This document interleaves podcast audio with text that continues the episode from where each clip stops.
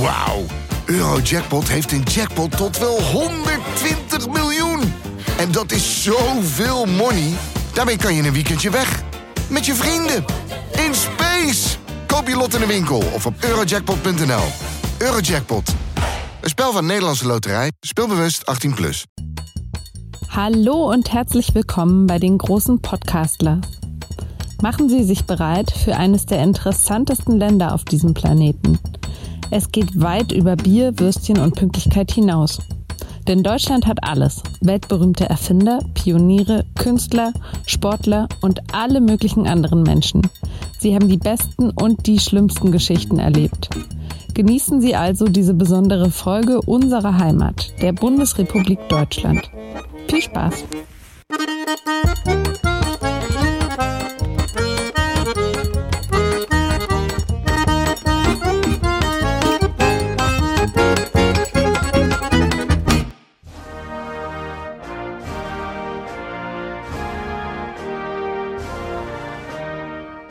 Het is eind van de middag 7 juli 1974.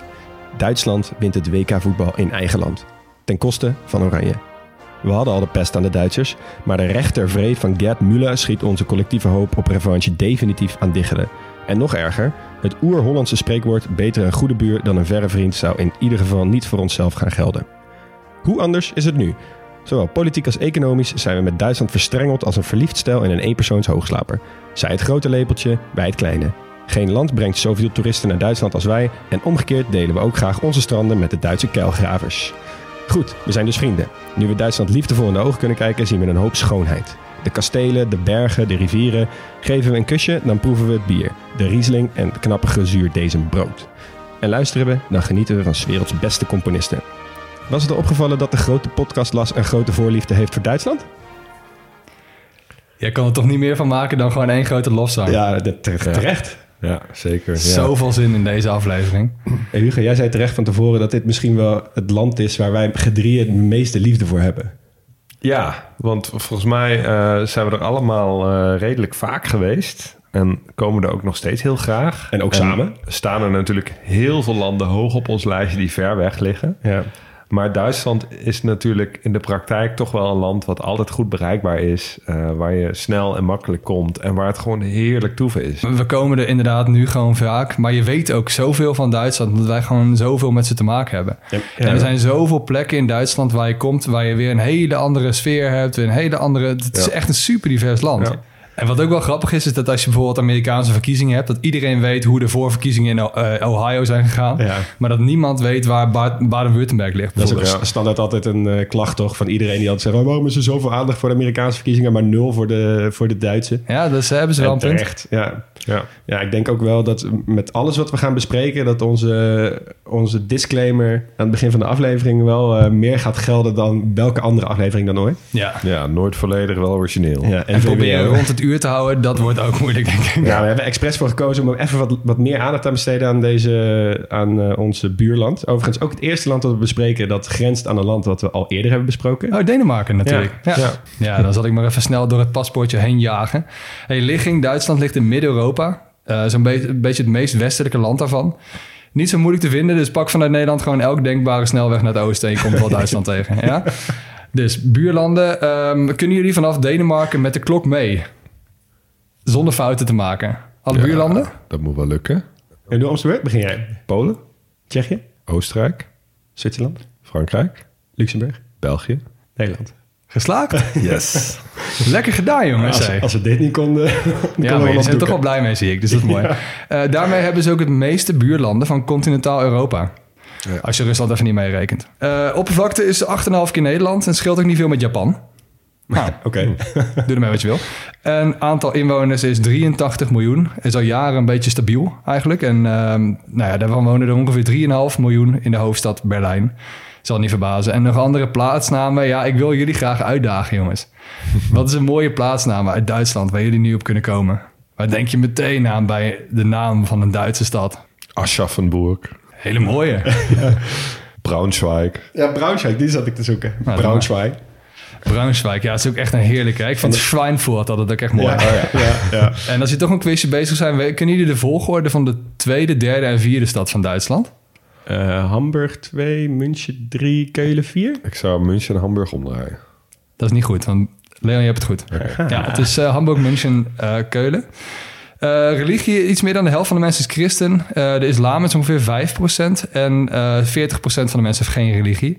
Nou, christenen wel gewoon de grootste groep. En de katholieken, die vind je vooral in het zuiden en een beetje langs de westelijke grens. En de protestanten vind je in het centrum en in het noorden. Even een Ja. eh, nou ja, natte vingerwerk.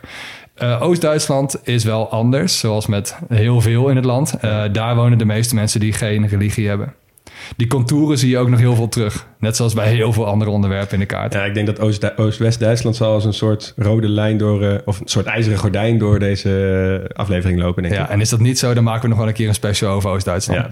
Hey, taal Duits, klaar. Ehm, achternamen, jongens. Ik heb een top 10. nummer 1, Müller. Dan heb je Schmidt, Schneider, Fischer, Weber, Meyer, Wagner, Becker, Schulz en Hofman. Ja. Ja. Hey, vlag. eh, het is een driekleur, horizontaal eh, zwart, rood, geel. In het Duits noemen ze dat tiefschwarz, verkeersrood en raapsgelb. En raaps is koolzaadgeel. Ehm, het is wel een vrij oude vlag, al aangenomen in 1848. Eh, kleuren uit het Romeinse Rijk, die, die kwamen daar al wel in, in terug. Ze hebben een tijdje pauze gehad van die kleuren... omdat ze nou, eh, een paar afslagen hebben genomen in de geschiedenis. Eh na, nazi's aan de macht en het Duitse Rijk ehm, ging vooral zwart, wit, rood. Ehm, die, die, die nazi-oorlogsvlag, die is trouwens echt nog wel een stuk angstaanjagender trouwens. Die maar te adelaar? Nee, nee, nee, dat is een soort van Noorse kruis. Maar dan met zo'n grote haakkruis en een paar van die banen. Oh ja. Nou, Ja. moet maar even checken. Ehm, en eh, nu staat eh, zwart voor vastberadenheid, rood voor moed en kracht en geel voor vrijgevigheid. Wauw. Heb ik gevonden. Ja. Ik denk trouwens dat er wel een aantal plaatjes en dingetjes... die we niet op de socials kunnen plaatsen... voordat onze accounts verwijderd worden. ja, dat moeten we Dus die vlag moet je maar even zelf opzoeken. Ja. Hey, dan even die adelaar. Eh, de adelaar staat niet op de vlag, maar is wel echt het nationale wapen. Dus heel even snel. Eh, waarschijnlijk geïntroduceerd door Karel de Grote rond 800. En steeds een beetje aangepast over de eeuwen. Dus eh, in de vroege 19e eeuw had hij ineens twee koppen. En toen weer één. En toen door de nazi's is hij nog aangepast. Nou, die, toen is hij ook wel redelijk veranderd, laat maar zo zeggen. En in 1950 ehm, is in West-Duitsland de versie in gebruik genomen die wij kennen. En na de eenwording van Duitsland is het eigenlijk als heel, eh, voor heel Duitsland gaan gelden.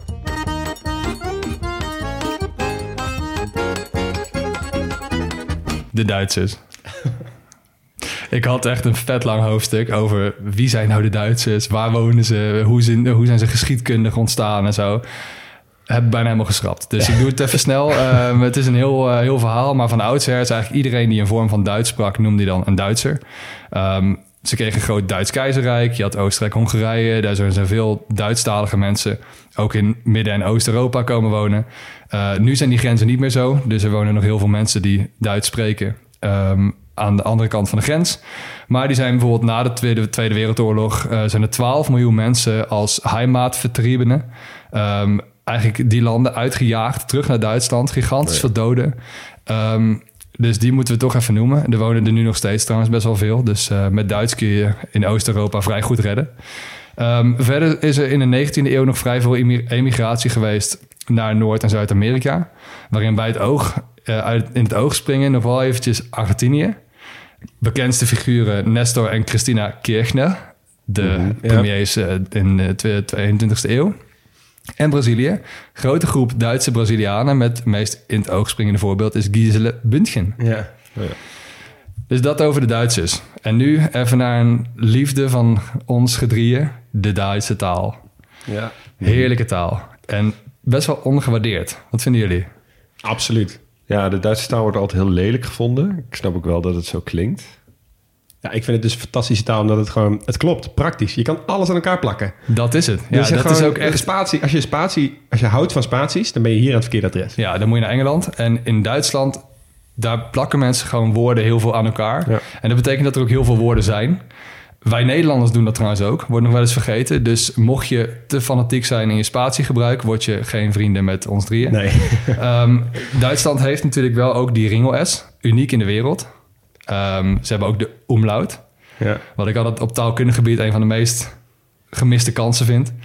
Had daar dan ook allemaal puntjes op gezet Precies, op die ja, klinkers. op die. Ja. Maar goed, hebben ze niet gedaan. Ehm, En Duitsland komt ook wel heel hoog terecht in de lijstjes met gemiddeld langste woorden. Dus als je alle talen onder elkaar zet, dan eh, komt Duitsland scoort heel hoog. Ja, ik vind het ook altijd een sport als je naar Duitsland rijdt of door Duitsland rijdt... om bij tankstations of bij andere plekken even te kijken, te spotten om je heen... waar je het langste woord kunt vinden. Dus meestal ergens in de buurt van de brandslang of zo. En dan Ja, staat of, er bij, of bij het handenwassen bij de wc zo. ja, Ja, dan staan er echt woorden dat je echt denkt... wow, wat fantastisch dat jullie dit allemaal in elkaar hebben geplakt. Ja. Dus ehm, nou ja, best wel wat, eh, wat mooie dingen hier. Ze noemen het ook wel de filosofentaal, hè? Duits. Duits. Oh, dat kan me zo voorstellen. Ja, omdat er natuurlijk ook heel veel filosofen vandaan komen. Maar juist ook omdat er dus heel veel van dat soort... de taal leent zich ervoor. Ja, zo'n woorden als wanderlust en zo, weet Ja, je wel. Ja. Nou, daar heb ik er nu een paar van opgeschreven. Gewoon mooie woorden die dus eigenlijk geen rechtstreekse vertaling hebben in andere talen, waar je echt een omschrijving voor nodig hebt. Ja. Dus Duits is, eh, het is eh, best wel veel beeldspraak zit erin. Dus je hebt bijvoorbeeld iets als een Schattenparker, een schaduwparkeerder. Dat is eigenlijk iemand waarvan je verdenkt dat hij niet zulke frisse plannetjes heeft, zeg maar. Ja, ja. Ehm, een kopfkino. Dus Wat een er in je hoofd, hoofd gebeurt. bioscoop. Dus Ja. als je iets zegt al helemaal in kunt beelden. Ja, ja, ja. ja. Ehm, een schnapsidee. Hè, dus iets wat je bedenkt als je zat bent. En dan de volgende dag wakker wordt en denk ik van... "Mwah, dat is toch niet zo'n goed idee. Oh, wat een goed woord. En wat ik een heerlijk woord vind is treppenwits. Hebben jullie ooit gehoord van treppenwits? Nee? Een trappengrapje. Dus denk je even in dat je in een discussie staat met iemand... en je hebt echt een veert gesprek... en je wil zo graag op een mooi gevat grapje komen... maar hij komt niet binnen... En als je spreekwoordelijk gezien klaar bent met het gesprek en alweer in het trappenhuis terug bent, dan denk je aan dat grapje. dus dat is de oh, treppenwits. Ja. ja, oh ja. Nou, verder, eh, het mooiste woord hierin is natuurlijk fernweh, waar iedereen die hier naar luistert waarschijnlijk wel eens last van heeft. Ja, Omgekeerde van heimwee. ja. Ja, dus als je terugkomt van vakantie en je wil eigenlijk graag weer weg en je droomt over verre plekken. Ja. Nou, dat is En het verre. voordat je op vakantie gaat, heb je altijd reizefieber. Vind ik ook een Oh ja, die is ook heerlijk. Nou, net als wij hebben zij dus ook verkiezingen voor het eh, woord des jaren. Ehm, maar ook voor het onwoord des jaren. Dus er zijn allerlei woorden die eigenlijk niet bestaan, maar die gemunt zijn in de media. Maar waarvan het probleem is dat ze democratisch en humanitair gezien niet zo fris zijn. Dus Ah, ehm, winnaars van de afgelopen jaren zijn bijvoorbeeld leugenpresse, dus leugenpers, eh goedmensch en sociaal toerismus. Oftewel, eh, nou ja, gewoon, eh, eh, Airbnb. toerisme. Nee, nee, nee. Mensen die dus eh, voor de sociale zekerheid naar Duitsland zouden Oh, oké, ja, oké, op die manier. Oh, ja, dus ja, die ja, verkiezing bestaat. En ehm, jongeren doen dit dus ook. Dus je hebt het Jugendwoord des Jahres. En hoewel daar regelmatig wel Engelse leenwoorden in staan, eh, vond ik wel een paar pareltjes. Dus ik sta het in 2015 op eh Smombie. Een samenvoeging van smartphone en zombie. Oh ja, ja. Ehm, en in 2017 stond ook op de lijst eh fernschimmelen. Dus ver en schimmelen. Dus dat betekent eigenlijk, zeg maar, hangen, chill- chillen op een andere plek. Dus niet op je vaste chillplek met elkaar op straat hangen, maar op een oké. andere plek. Fernschimmelen. Ja. Ja, vet. Ja, een van mijn favoriete woorden in Duits is Weltschmerz. die is ook heel mooi. En ik dacht dus dat Weltschmerz is eh, het woord dat je nu gebruikt... omdat je ziet dat de wereld naar de knoppen gaat vanwege klimaatverandering. Maar het heeft dus te maken met het feit dat het is dat je... wat je in je hoofd maakt van iets... is in de, de realiteit nooit zo goed als dat je het voorstelt. Het valt altijd Dus, tegen. ja, dus de Ja. wereld om je heen is altijd zeg maar, minder goed... dan hoe je het in je hoofd voormaakt. En dat Ja. is daar Weltschmerz. Dat je even een beetje moe bent van, eh, van de hele wereld. Ja. Nou, bij de meeste eh, landjes waar we, die we bespreken, zeggen we toch wel bij het bevolkingshoofdstukken van hey, het is echt wel een trots volkje. En dat ligt bij Duitsland toch een beetje gevoelig. Eh, dat nationale trots is wel echt een dingetje. Dus ik neem jullie even mee naar 2004. Toen werd eh, Horst Köhler, de baas van het IMF, werd geïnaugureerd als president van Duitsland. En hij zei in zijn speech dat hij van Duitsland hield. En op dat moment ging er echt een schok van ongemakkelijk gevoel door de Rijksdag. Dat was een beetje gek. Ja. En ook de kranten, het was groot nieuws. 18 Om jaar maar- geleden, hè? Ja, precies. Om maar eventjes te illustreren. In Nederland zou dat natuurlijk een voetnootje zijn. Of niet eens in het nieuws staan. Ja, het was, het was een, eh, in Duitsland ook eigenlijk heel lang helemaal niet oké om je vlag uit te hangen, bijvoorbeeld. Nee, nee precies. Dat, nou, er, zitten bijna geen, er zijn bijna geen vlagvertoon. Ja. Ehm, dat doe je gewoon niet. Nee. En eh, de, nou ja, in Nederland heb je echt een beetje een vlag als nationaal symbool. Dat is daar toch echt best wel een beetje besmeurd, historisch Ja. gezien. Maar er is wel een kentering gaande eh, ingezet toen, het, toen ze in 2006 het WK voetbal organiseerden. Dus ineens zag je overal mensen in het Duitse shirt en dus met Duitse vlag. En het schijnt ook dat er in, tijdens dat WK meer vlaggen verkocht zijn dan tijdens de Duitse eenwording. Wow, oké. Ja, wow. Dus daaraan, nou ja, daarmee concludeer ik eigenlijk... men mag weer wat meer voorzichtig trots zijn op Duitsland. Het is echt wel een nieuwe fase in de geschiedschrijving. Of in de geschiedverwerking eigenlijk. Ja, verwerking. En eh, dat is echt wel iets waar wij, eh, nou ja, het zeker wel mee eens zijn, denk ik. ja. Ja. Nou, nog even één mooi feitje over de hoofdstad Berlijn. Berlijn is qua oppervlakte negen keer zo groot als Parijs. En heeft meer bruggen dan Venetië. Wow. wow.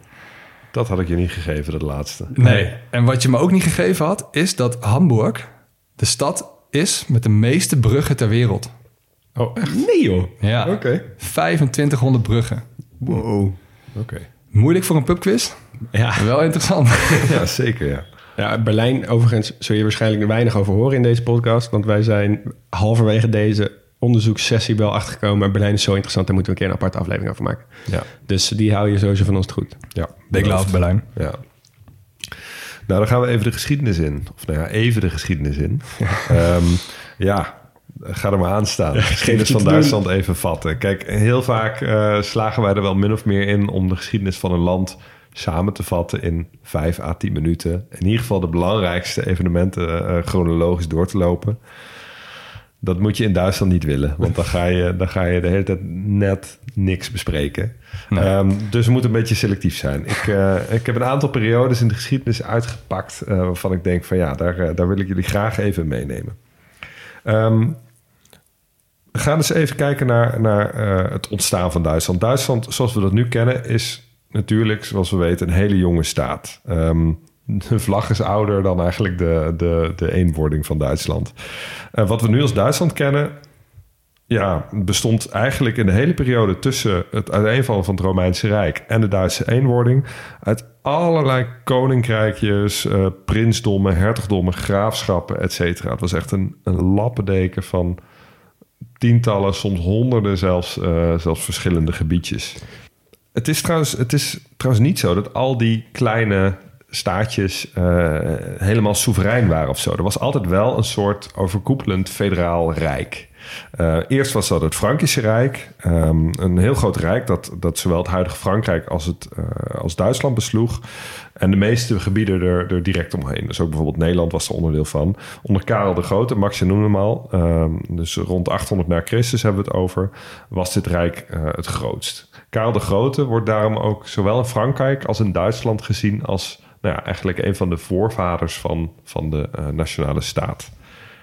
Ehm, toen het Rijk uit elkaar viel, eh, ontstond in het oostelijk deel van het Frankische Rijk een nieuw rijk, eh, namelijk het Heilige Roomse Rijk.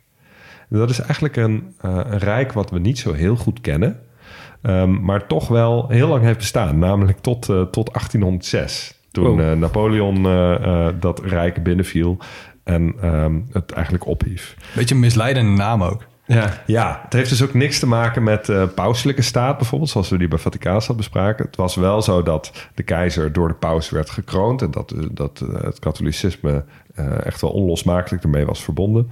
Maar de reden dat we dat rijk niet zo heel goed kennen is omdat het eh, echt alles behalve een centrale staat was. Eh, het bestond dus uit allemaal gebiedjes die allemaal eh, eh, best wel veel soevereiniteit hadden.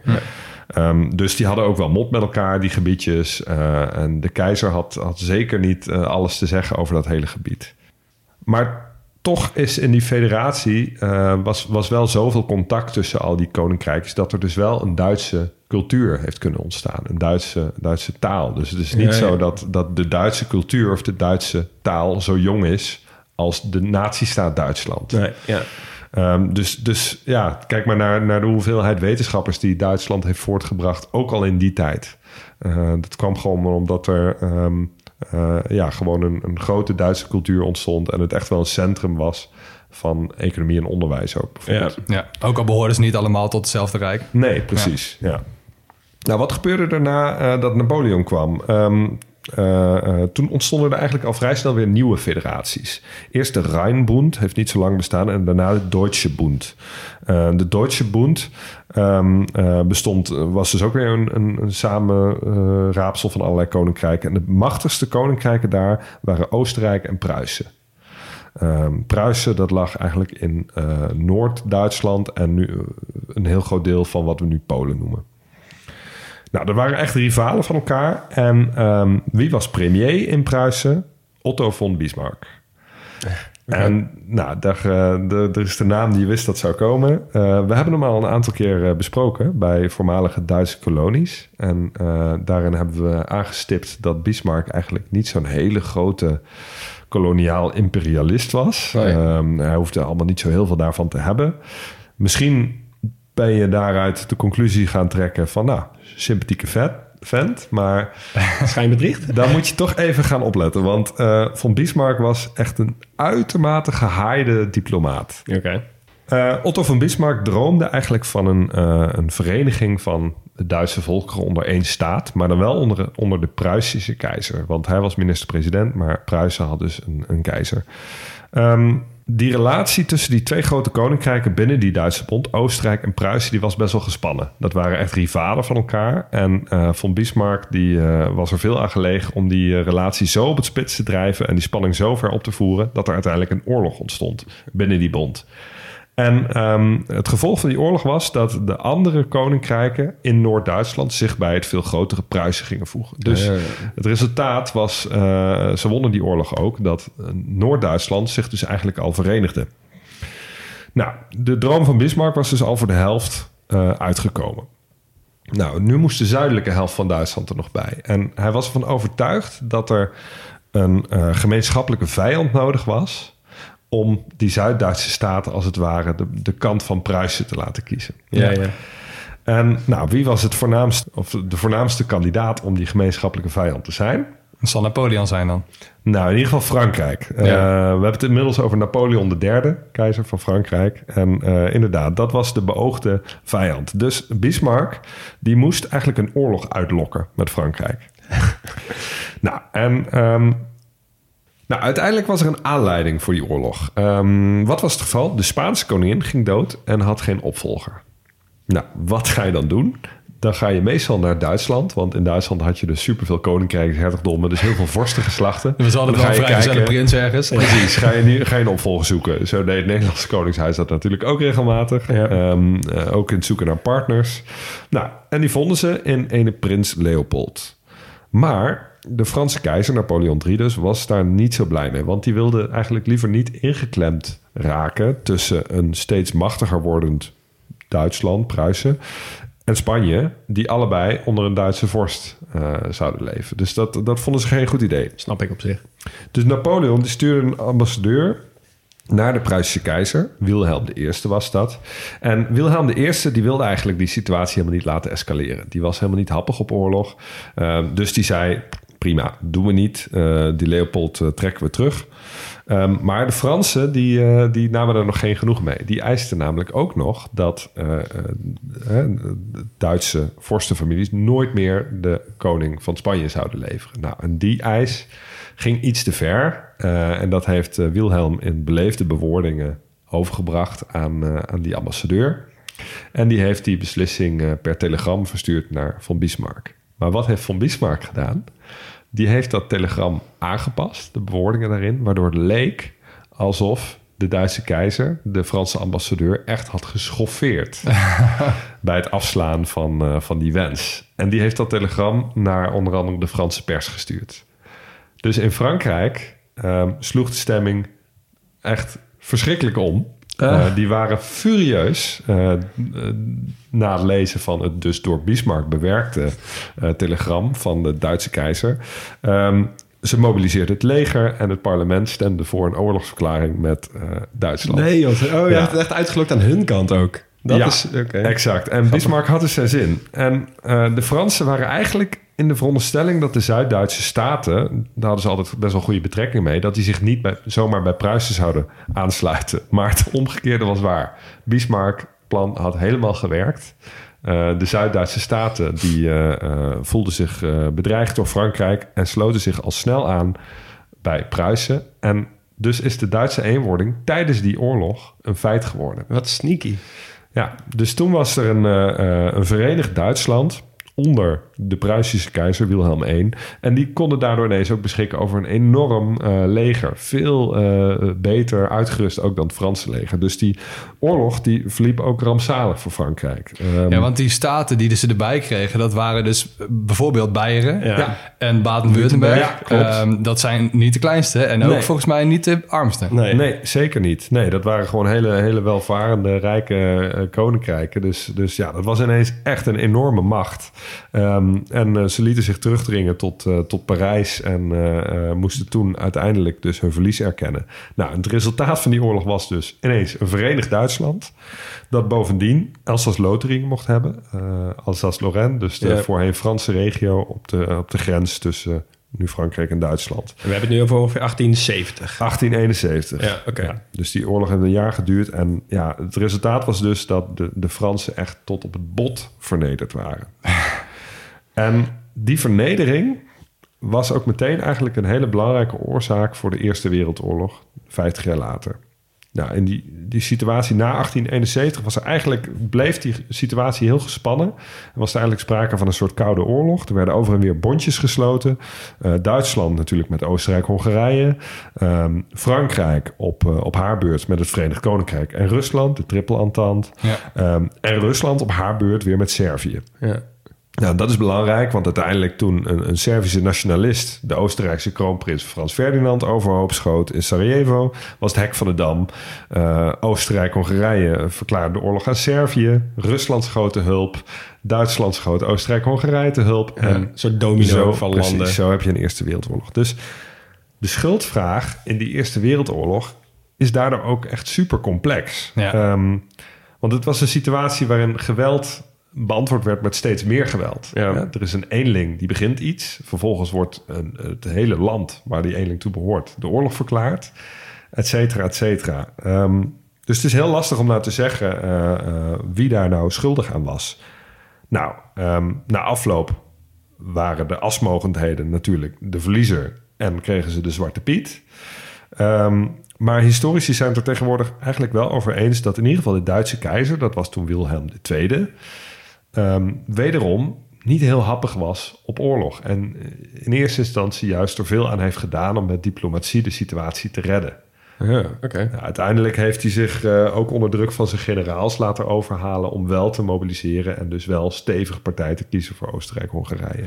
Ja, ik heb dus wel eens ook nog een... een ja, ja, dit is een beetje punt bij Duitsland. Lees je nou een essay of lees je nou een geschiedschrijvingsding? Weet je wel, duizend mensen, duizend meningen.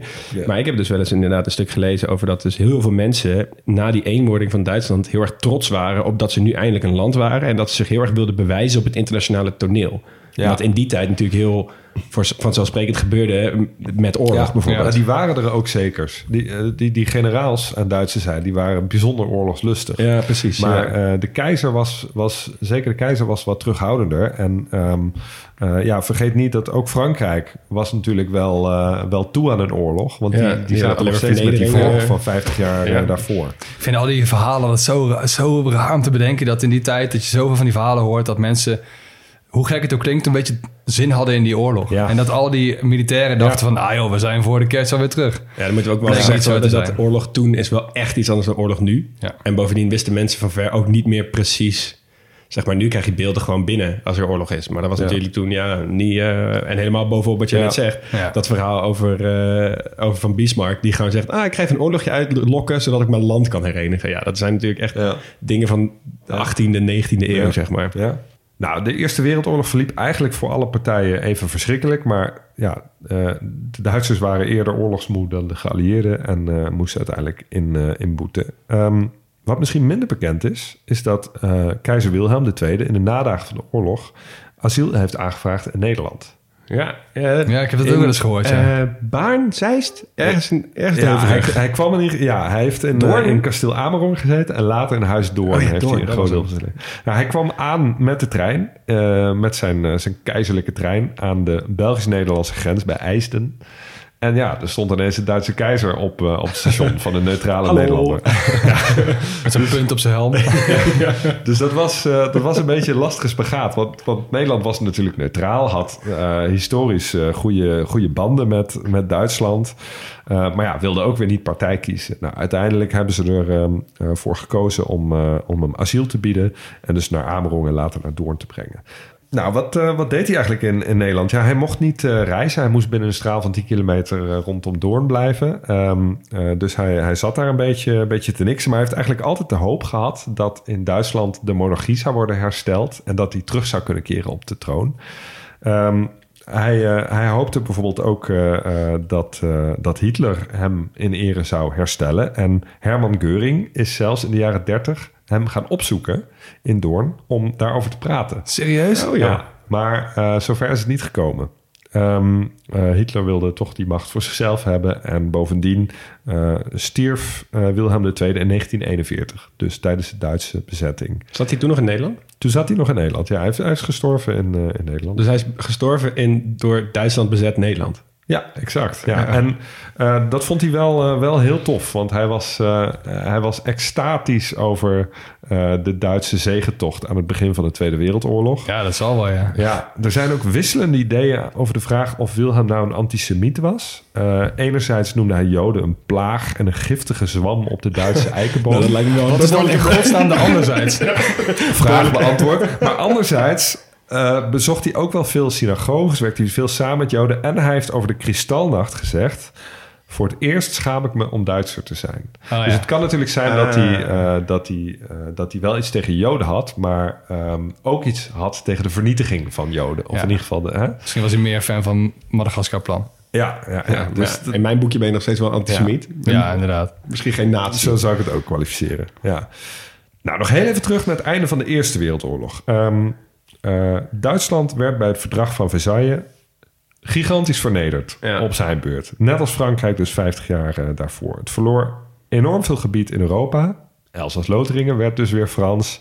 Ehm, eh, grote delen van Oost-Pruisen verloren ze aan Polen. En alle koloniën raakten ze kwijt. Ze moesten torenhoge herstelbetalingen doen.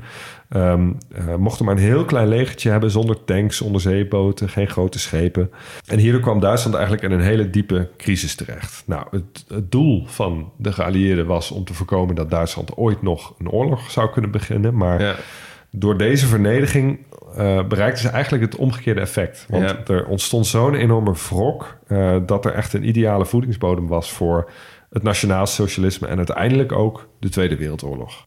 Nou, de schuldvraag van de Tweede Wereldoorlog was natuurlijk veel duidelijker te beantwoorden dan eh, bij de Eerste Wereldoorlog het geval was.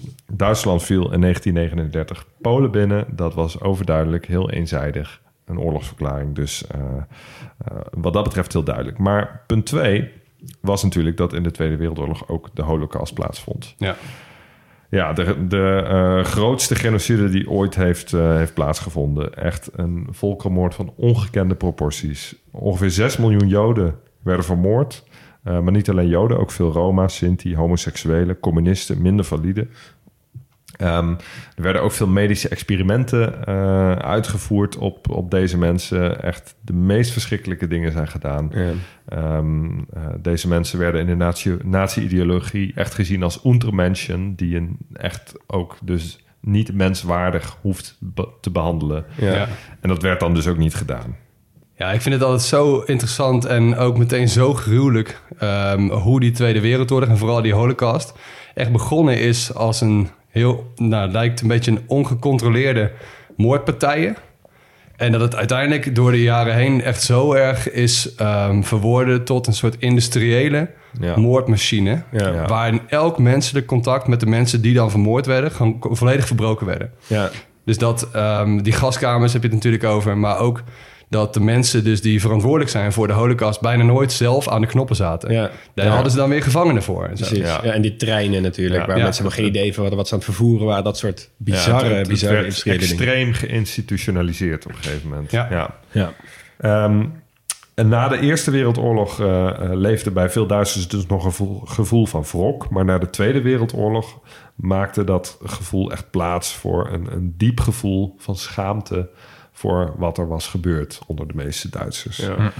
En ehm, er wordt tot op de dag van vandaag nog heel veel aan gedaan om, om dat niet te vergeten. Uh, en, en door te geven aan de volgende generatie hoe uh, verschrikkelijke rol Duitsland heeft gespeeld in de Tweede Wereldoorlog. We gaan even luisteren naar een audiofragment van Mark, uh, een, een, Duitse vriend van de show, um, die momenteel in Canada woont, vandaar zijn goede Engels, waaruit dit eigenlijk blijkt. When it comes to World War II, I think one thing to be proud of um, as a German is that we really don't want to forget what happened um, with the Holocaust and generally um, the time when Hitler was in power, um, which is something that I'm proud of because when going through school, I pretty much, I think, three or four times um, studied uh, World War II and all the topics surrounding it and the Holocaust in, in a lot of detail.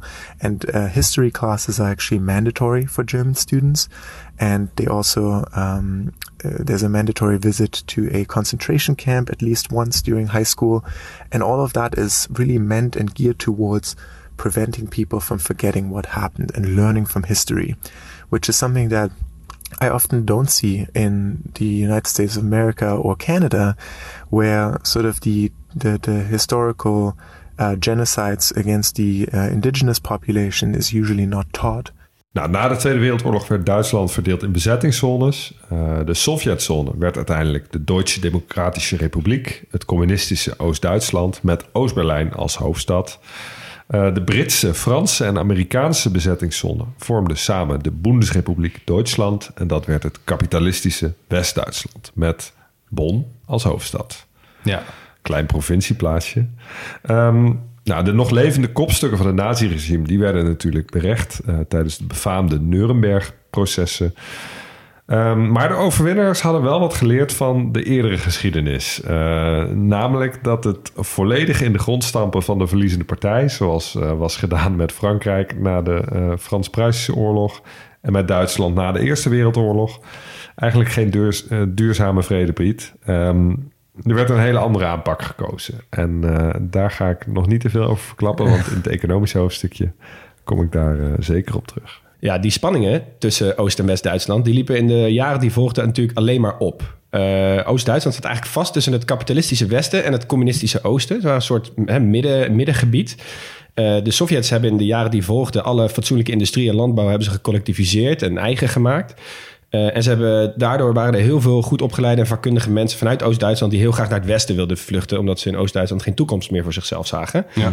Uh, dit staat in Duitsland ook wel bekend als de Republiek Vlucht. Um, hè, van oost dus naar west. Um, en eigenlijk is over het algemeen wel wordt wel gezegd dat hierdoor de Berlijnse muur is opgezet. Uh, officieel werd het natuurlijk uh, gezegd om de westerse kapitalisten buiten te houden, maar de Oost-Berlijners, dus de, de Sovjets, die hebben die muur opgezet eigenlijk om te voorkomen dat er dus nog meer brain drain was, nog meer dat mensen, bekwame mensen naar het westen ja. zouden vluchten. Ja. Nou, de jaren die volgden, kun je je voorstellen, werd die relatie eigenlijk alleen maar harder. Hè? Het westen werd steeds kapitalistischer, het oosten werd steeds communistischer. Um, het, het, leven in het oosten werd steeds repetitiever. Uh, heb ik gelezen op verschillende vlakken. Het was eigenlijk gewoon opleiding, school, werken, gezinsopbouw. En de vrije tijd die je had, ging je maar buiten in een, uh, in, op een pleintje hangen. Ja, kenmerkt natuurlijk ook wel een communistisch land... dat elke vorm van zelfontplooiing hè, en, en eigen initiatief... dat dat ja. wel steeds minder wordt. Precies. Ja, behalve als je toevallig heel goed bent in sport of zo. En ja, ja, ja, ja, ja of in de ruimte wil zijn. Ja, nou, dus, maar daardoor was er dus ook geen echte armoede... of ook geen echte werkloosheid. Iedereen had wel een baan of iets te doen. Um, een ander onderdeel wat in Oost-Duitsland heel erg kenmerkend is geweest... wat ik ook even wil benoemen, is uh, de Staatssicherheidsdienst. Oftewel de Stasi heel bekend. Uh, wat zij eigenlijk deden was iedereen in de gaten houden. Ja. Min of meer. Gewoon om te kijken, oké, okay, wat zijn jullie van plan? Uh, hoe kunnen we ervoor zorgen dat jullie in ons land blijven? Dat jullie geen aanslagen gaan plegen, dat soort dingen. Uh, en de cijfers daarvan zijn echt bizar. Uh, ongeveer 1 op de 30 inwoners was een statieagent. Dus die werkte echt voor de Sicherheidsdienst. Ja, dat is bizar. En het blijkt dus dat meer dan 1 op de 3 Oost-Duitsers onder verdenking of bewaking stond. Ja, want de mensen die aan het bewaken waren, die werden zelf ook weer bewaakt. Precies. En dus, ja. uh, het was echt ja. een systeem waarin iedereen elkaar aan het controleren was. Ja, en, en, en ja, moet je nagaan wat zo'n niveau van toezicht en ook een soort infiltratie ervoor zorgt hoe je dan leeft. Hoe je dan je, je leven indeelt. Want je kan eigenlijk nooit echt iemand vertrouwen. En dit kwam, die omvang daarvan, dat kwam eigenlijk pas na de val van de muur, kwam dat echt naar buiten hoe groot dat was. Is overigens ook een hele mooie film over gemaakt. Dat is Leven der Anderen. Ja, ook een absolute aanrader. Ja.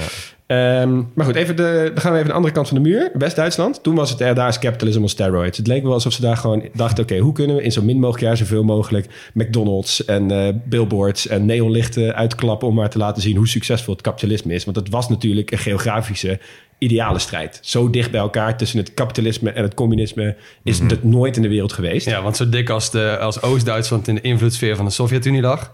zo lag West-Duitsland in de invloedssfeer van Amerika, van Engeland, van Ja. West-Europa. Ja, exact. Ja. En dat is, da- daar in Berlijn kan je dat ook nog steeds heel goed zien. Nogmaals, gaan we in, in een Berlijn special echt wat dieper op in. Eh, maar wat dat betekende voor de rest van Duitsland was ook best belangrijk. Want eh, in de jaren 60 kwam een hele nieuwe naoorlogse generatie op. Hè? En die hadden nog het een en ander aan te merken op Duitsland. Zij vonden bijvoorbeeld dat er nog veel te veel onberechte naties zaten in leidinggevende rollen. Eh, mensen met een, een niet zo helder verleden. En Amerika was natuurlijk de Koreaoorlog en de Vietnamoorlog gestart. Dus er was ook heel veel haat tegen het hele kapitalistische systeem. Nou, eh, na een aantal flink aantal protesten en opstanden is er een groep linkse studenten flink geradicaliseerd. En dat leidde uiteindelijk tot de oprichting van de zogenaamde Rote Armee Fraktion, oftewel de RAF. Ook wel bekend als de Bader-Meinhof Groep, genoemd naar de kopstukken Bader en Meinhof. Eh, zij zouden in de jaren die volgden, in eh, de jaren 60 en 70, heel veel aanslagen, bankovervallen en ontvoeringen plegen. Met als doel het omverwerpen van het kapitalistische West-Duitsland. En dus eigenlijk een soort aansluiting zoeken tot het communisme. Of eigenlijk wat zij wilden, de creatie van een marxistisch Duitsland. Ja. Ja, vrij onderbelicht stukje geschiedenis, als je het mij vraagt. Tenminste, ik heb het niet op de middelbare school geleerd, maar ik vind het altijd echt een bizar gegeven. Er wordt altijd gezegd, uit het Westen is het beste.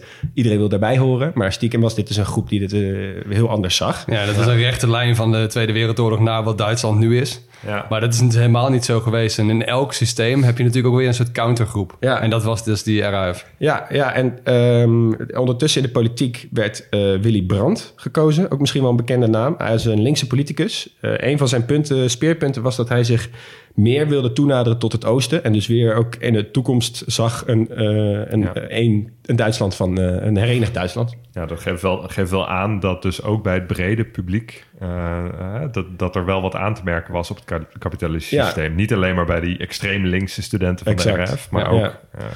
ja. eh, en, en de voorganger eh, van, eh, van Willy, een van de voorgangers van Willy Brandt, Adenauer, Konrad, ook wel bekende naam, denk ik. Hij wilde dus niks met het oosten te maken hebben. Eh, hij was aan de macht vlak na de Tweede Wereldoorlog in West-Duitsland. En eh, wat ik dus ondervond, wat ik dus ook helemaal niet wist. In 1952 heeft Stalin aan Adenauer en de westelijke staten voorgesteld om Duitsland te demilitariseren en één te maken als één land. En als een soort grote neutrale staat in Europa te laten fungeren. Jo. De Stalin-nota heet het. Maar dat werd gezien als soort... eh, of ze niet wisten waar dat nou precies de intenties van Stalin vandaan kwamen. Ze hebben dat toen afgewezen. En het is later is dat nog best wel op zijn bordje terechtgekomen... als hè, heb je toen niet een grote kans laten lopen om Duitsland weer te herenigen. ja. Dus ja, nou, grappig. Ja. Ehm, overigens, Willy Brandt, eh, die wilde dus echt heel graag... die zocht echt die toenadering tot het oosten en die Warschau-pactlanden. En eh, er is heel bekend beeld dat hij op een gegeven moment naar het Joodse ghetto gaat...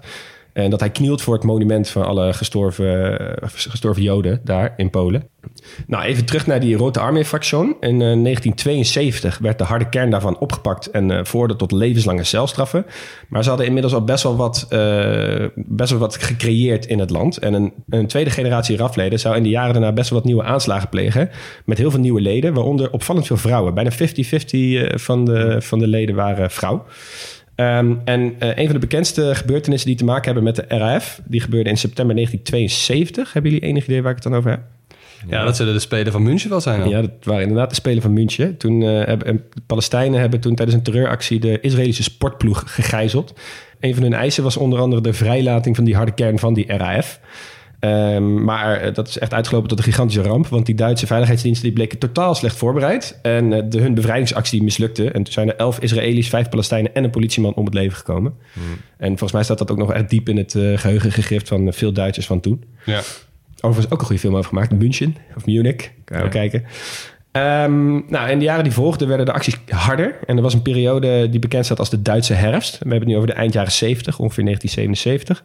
Eh, er werden veel bankiers ontvoerd. Er werden mensen vermoord. Er werden meer overvallen gepleegd. En er was vooral veel meer geweld dan daarvoor. Eh, dit kwam tot een piek in eh, 1977 toen de vlucht 181 van Mallorca naar Frankfurt werd gekaapt, weer door Palestijnen. De, weer eiste dat die RAF-leden uit de gevangenis eh, moesten. En uiteindelijk hebben ze in Mogadishu hebben ze dus die kapers eh, gedood en de gijzelaars bevrijd. Dus moet je nagaan hoe groot de hele wereld staat daar ook naar te kijken van wat gebeurt er nou weer in Duitsland. En toen dit bekend werd, toen hebben de drie eh, gevangen RF-kopstukken, dus de Bader en Meinhof onder andere zelfmoord gepleegd. Eh, en de dag daarna werd de, eh, de hoofd van de Duitse VNO-NCW, dus van de werkgeversorganisaties, doodgevonden in, een, eh, in de kofferbak van een auto in Frankrijk. Echt heftige dingen allemaal, Ja. hè? Ja man, ja, is echt... eh, volgens mij is het ook zo dat eh, eigenlijk hoe radicaler ze werden en hoe gewelddadiger ze werden, hoe marginaler ze ook werden. Want de steun nam heel erg af door deze aanslagen, toch? Ja, dat is, dat ja, precies wat jij zegt. Hè? Dus die, die, die RAF die voelde zich natuurlijk in het nauw gedrukt. Dus die ging alleen maar harder. Ja. Eh, veel meer hardere acties. Maar hun, eh, hun draagkracht onder de samenleving viel volledig weg. Helemaal na die moorden. En toen ze zelfmoord ook hadden gepleegd. Overal waren patrouilles op straat met eh, politieagenten met hele zware wapens. Polit- eh, politici werden beveiligd, ook thuis. En overal hingen van die gezocht posters. Ehm, Ja, en het is nog best wel lang, heeft het nog best lang geduurd eh, voordat zij uiteindelijk zichzelf opgeheven hebben, volgens mij. Ja, dat klopt. En in de jaren die volgden hebben ze dus nog best wel wat aanslagen... ook op best wel bekende mensen gepleegd of gedreigd te plegen. Zo hebben ze bijvoorbeeld de hoogste officier van de NAVO... en de baas van Siemens echt bedreigd hem met de dood. Eh, en uiteindelijk hebben ze zelfs de baas van de Duitse vliegtuigindustrie vermoord... verschillende hoge officieren uit het leger... en de baas van de Trooihand. En de Trooihand, dat is de organisatie... die voormalige Oost-Duitse ondernemingen... na de Duitse hereniging moest privatiseren. Dus die, die, kapit- of die communistische bedrijven moesten dus kapitalistisch worden... en degene die dat moest doen, de baas daarvan... die is dus ook vermoord. Ja, dus we zitten ook al in de jaren negentig. Exact, ja. En uiteindelijk werd op eh, 20 april 1998 werd de RAF eh, opgeheven. Goh. Daar moeten we natuurlijk nog één wat leuker moment benoemen uit de Duitse geschiedenis. Eh, wederom iets waar volgens mij boeken en films over zijn eh, volgemaakt.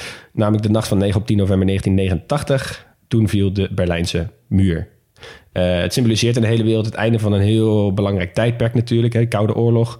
Eh, maar voor de Duitsers zelf betekent dit een einde van een echt een hele lange periode van gescheiden families, gescheiden vriendengroepen, mensen die proberen van oost en west en west naar oost te vluchten. Eh, maar het was uiteindelijk ook het begin van de ommekeer van de wereld zoals wij, zoals wij dat kennen. Ja. Ja. ja, daar komt ook een leuk Duits woord vandaan, hè? Wat dan? Die Mauerspechten. Dat zijn dus die mensen die dus toen de muur viel en eh, toen ze wisten van oké, dit is gewoon een afgesloten hoofdstuk. Dat ze als een gek met van die beitels allemaal in die muur zijn gaan hakken. En allemaal kleine steentjes, Ah, stukjes steen eruit halen. Als pechjes in de muur. Ah, grappig. Ja, dus er zijn ook heel veel mensen die hebben die dingen nu nog thuis. Ja. Schijnt ze ook wel aardig te kunnen verkopen nu. ja, dat zal ja. Kapitalisme Maar, eh, tent ja, op, hè? ja, kapitalisme heeft gewonnen. Ehm maak ik weer even een klein sprongetje naar het eh, politieke Duitsland van de afgelopen 16 jaar. En dan heb ik het voornamelijk over één specifieke persoon. Over Angie. Over Ja. Angela Dorothea Merkel. Ja. Dochter van een dominee. En geboren, en dit wisten jullie denk ik niet, in Hamburg. Oh, In West-Duitsland. de stad met 2500 bruggen. ja, Maar ik dacht dat zijn Oost-Duitse was. Ja, dat, Ja. zo is er dus ook gezien. Maar zij verhuisde dus in het eh, najaar van 1954 van Hamburg naar het Brandenburgse Kitzel in de DDR. Jo, natuurkundig zullen is zij toch? Zij is natuurkundig inderdaad. Ja, zo staat ze, werd ze ook altijd neergezet. Ehm, en ze was vanaf eh, 2000 de partijleider van de Christen-Democratische CDU. Is een beetje het CDA van, eh, van Duitsland. Eh, en vanaf 22 november 2005 tot 8 december 2021 was zij de bondskansler van Duitsland. Ja, toch wel echt een van de leiders van de 21ste eeuw. Zeker. En ook Zeker, echt. Al heel vaak ook als enige vrouw tussen al die mannen in pak. Ja. Ja, ik vond het altijd wel stoer inderdaad. Ja. hoor. Hoe, eh, En ook wel echt een figuur in de, nou ja, toch wel redelijk eh, turbulente moderne geschiedenis van Europa. Die toch een soort van constante factor is geweest ja, en, altijd. een, en een super groot internationaal aanzien had. Ja, en constant ook in haar eh, houding. Standaard Ja. met die, de Merkel-rout. Ook zo'n mooi Ja, Duits ja, woord. Daar moest haar handen altijd tegen elkaar had geplakt als een, in Ja. een ruitje. Weet je hoe ze in Duitsland een beetje tegen haar aankeken in al die tijd? Ja, dat is, dat is grappig dat je het zegt. Want wat je zegt internationaal, wij zien haar best wel een soort progressieve lijn. Heel, anti, heel anders dan, eh, dan hoeveel heel veel mensen Duitsland zagen. Maar ik heb een aantal mensen gevraagd hoe mensen haar in Duitsland zagen. En dat was toch wat anders. Ze staat heel erg bekend om de weite zo-politiek. Oftewel het immer doorgaan politiek. Eh, ze gaat eigenlijk altijd door en ze wil pas veranderen op het moment dat ze echt onder druk stond. Dus ze wilde niet voorop lopen in kwesties. Eh, Onder haar bewind zijn er bijvoorbeeld veel meer snelwegen gebouwd dan daarvoor. Eh, en pas na grote druk werd er gestemd over het legalisering van het homohuwelijk. En dat was in 2017. Zij heeft toen gezegd, en dat, dit was al heel groot een, een, een punt tussen de partijen. Zij heeft toen gezegd, iedereen mag zelf voor zichzelf stemmen. Dus ook een CDU. En toen was er dus een meerderheid. Maar Merkel zelf heeft dus tegen het homohuwelijk gestemd. Ja. Grappig. Ze is eigenlijk veel conservatiever dan, dan hoe ik er in mijn hoofd heb. Nou, d- dat, ja. maar zij niet alleen. Ik ging even een beetje onderzoek doen naar Duitsland. Duitsland is zelf ook echt heel erg traditioneel en heel conservatief. Want bijvoorbeeld abortus is nog steeds illegaal in Duitsland. Dat mag gewoon. echt? Ja, echt. Oh. Eh, en die, bijvoorbeeld dingen als je mag alleen nog maar met cash betalen en niet met pin. Ja, heel, heel, heel veel veel plekken. Dat heeft ja. natuurlijk ook te maken met die eh, toezicht van de overheid eh, van vroeger. Ehm, maar ook is alles op zondag dicht. Ja, En op zondag mag je dus helemaal niks. En Ja. wij hadden nog een mooi stukje van Mark. ja. Hij had eh, uit eerste hand een mooi voorbeeld over, over het, eh, het, eh, het onheimliche gevoel wat je krijgt als je op zondag dingen doet. Um, one thing that um, I do think is a bit of a problem about Germans, and what I don't miss about Germany is the fact that I do think people are a little bit uptight and conservative, and you get these weird things where, for example, Sunday is sort of considered the holy day. Uh, you should rest on a Sunday, and you're generally not really allowed to do any loud activities. So, for example, if you would start cutting your hedges or mowing your lawn, uh, your neighbors might actually call the police on you, and the police also might come to your house and um, give you a, a stern talking to, which I think is kind of well, it's funny in some ways, but it's also pretty upsetting um, if if you just want to be productive on a Sunday and you can't. Nou, ehm, internationaal, want waar kennen wij merken natuurlijk van? Want ze is thuis traditioneel, maar ze brak daar enorm mee naar één specifiek moment. Ja, de vluchtelingencrisis. De vluchtelingencrisis. En dan heb ik het specifiek over drie woorden. Weer schaffen das. Wir schaffen das. Ik zocht wir op op Google. En als je wir doet, krijg je gewoon schaffen das. Schaffen das Merkel, schaffen... Ja, ja, Ik krijg een hele speech. Niet weer duk. Nee, nee. Maar ik vond het ook wel echt een stoere uitspraak. Ja, ik kreeg er ook een beetje een warm gevoel van. Van ja, kom op jongens, schouders eronder. Ja, we hebben, we hebben voor nodig. vuren gestaan. We kunnen Ja. dit. Wir schaffen das. Ja, en nu krijgt de helft van Duitsland dat nog steeds. En de andere Duitsland gebruikt dat echt als een soort munitie. Ja, nou, maar dat je dit zegt is grappig. Of grappig. Eh, wederom even ingezogen. Hoe vinden die Duitsers nou dat dit gegaan is uiteindelijk? En zij zeiden van ja, kijk, de rechterflank vindt dat er toen veel te makkelijk is omgesprongen. Dat ze maar gewoon hebben gezegd, oké, kom maar, kom maar, kom maar, aanzuigende werking. Hè? Dat, eh, je ziet nu nog steeds, Duitsland is echt, staat altijd in de top van eh, ontvangende landen qua vluchtelingen. Eh, en de progressieve linkerflank vindt dus weer op hun beurt dat ze veel te weinig hebben gedaan. Want er werd uiteindelijk veel te weinig toegezegd. Eh, Er was nog superveel traditionele natuurlijk.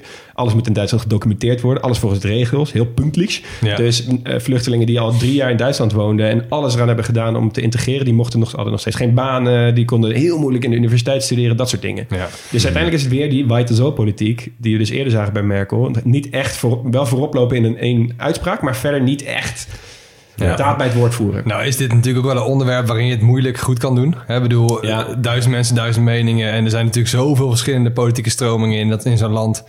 Je kunt het ook nooit goed doen. Nee, dat is waar. Aan de andere kant, ehm, dit heeft haar wel de wereldwijde bekendheid bezorgd. Ja. Eh, welke kant je ook staat. Eh, Ja. Iedereen kent Merkel wel van die specifieke drie woorden. Ja, vooral het internationale karakter. Want daarna is het dus...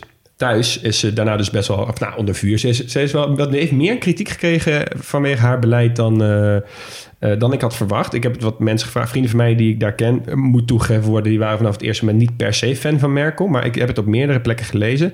Een van de dingen waar ze bijvoorbeeld ook best wel wat kritiek op heeft gehad, was vanwege haar Oostpolitiek. Of eigenlijk voornamelijk vanwege het ontbreken ervan. Hè, want zij komt dus uit Oost-Duitsland. ehm, Heeft dat ook altijd gezegd. Maar ze heeft eigenlijk in de 16 jaar dat ze kanslerin is geweest, heeft ze echt weinig echte veranderingen doorgevoerd om Oost-Duitsland het gevoel te geven dat ze er weer bij hoort. Ja.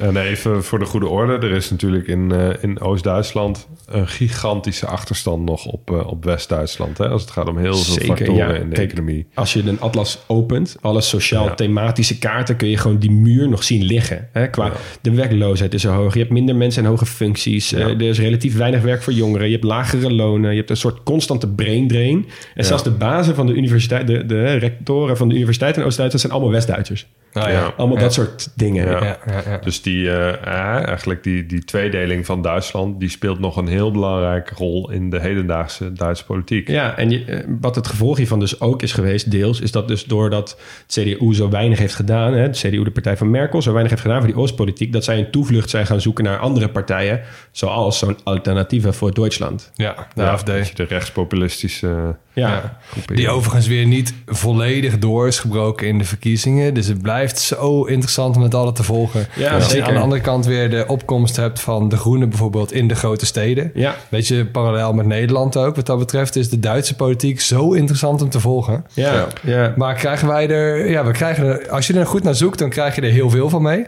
Maar het is ook best wel makkelijk om het te missen. Ja, ja. één ding wat ik nog even wil noemen over Merkel, wat ik echt eh, heel goed vind aan haar, is dat zij dus, het schijnt dus dat zij dus een gigantisch geweldige diplomaat was achter de schermen. En dat zij Mhm. dus, nou, de relatie met Rutte is natuurlijk bekend, hoe ze Europa heel erg bij elkaar heeft proberen te houden tijdens die vluchtelingencrisis, tijdens die eurocrisis. Dat zijn best wel bekende momenten geweest. Maar wat mij heel erg het meest is bijgebleven, is dat eh, meerdere bronnen hebben gezegd dat zij dus achter de schermen constant bezig was om Trump niet zo ver te laten gaan als bijvoorbeeld uit de NAVO stappen of uit allerlei andere internationale organisaties. En dan proberen die lange termijn schade die hij kon aandoen met zijn presidentschap in Amerika zoveel mogelijk te beperken. Ja. En dan denk ik wel, oké, dat is wel echt de- rol zoals ik Duitsland altijd Ja. zie. Weet je Ja. de achter de schermen, een beetje wat jij had met Van Bismarck. Ja. Eigenlijk gewoon een beetje hedendaags van Bismarck. Ik zou Merkel echt wel eens achter de schermen hebben willen meemaken hoor. Zo'n gesprek met Trump, hoe dat Ja, er ging, zo. hoe, hoe Ja. hard ze in, in zo'n gesprek is bijvoorbeeld. Ik heb het idee dat we hier over vijf of tien of misschien vijftien jaar vet gruwelijke boeken over gaan lezen. Ja, ja, over ja. deze tijd, weet je, en de rol van Merkel dan. Ja. Nou, nog even het laatste wat ik even wil zeggen. Is het nu, eh, er zijn eh, vorig jaar verkiezingen geweest eh, met nieuwe bondskanselier Olaf Schulz van de SPD, van de Duitse Democratische Partij, de Sociaal-Democratische Partij. En die werden op de voet gevolgd door de CDU, die ook natuurlijk nog een hele grote achterban heeft, voornamelijk in het zuiden. En de derde partij was best wel een opkomst, was de, de Groenen. En de Groene Duitsers die staan dus nu ook echt bekend als de, de grote winnaars van de laatste periode. Die hebben de laatste twee ehm, eh, deelstaatverkiezingen ook echt heel goed gewonnen. Ehm, dus ik ben benieuwd hoe dat eruit ziet. in En de die zijn een regering gaan vormen hè? met de SPD Ja. en de FDP. FDP, dat is zeg maar een beetje de, ja, de liberale, een beetje D66-VVD van Duitsland. Ehm, en die heet, dat vind ik altijd zo leuk aan Duitsland, die gooien altijd namen voor een Voor die coalitie. coalities, ja. En dit is dus de Ampel-coalition, want de groenen zijn groen, Ja. de FVD is geel en de SPD is rood. Dus, Ja, is eh, toch heerlijk. Mooi. ja. Of de Pan-Afrikaanse kleuren. ja. Hey. Zijn we weer rond.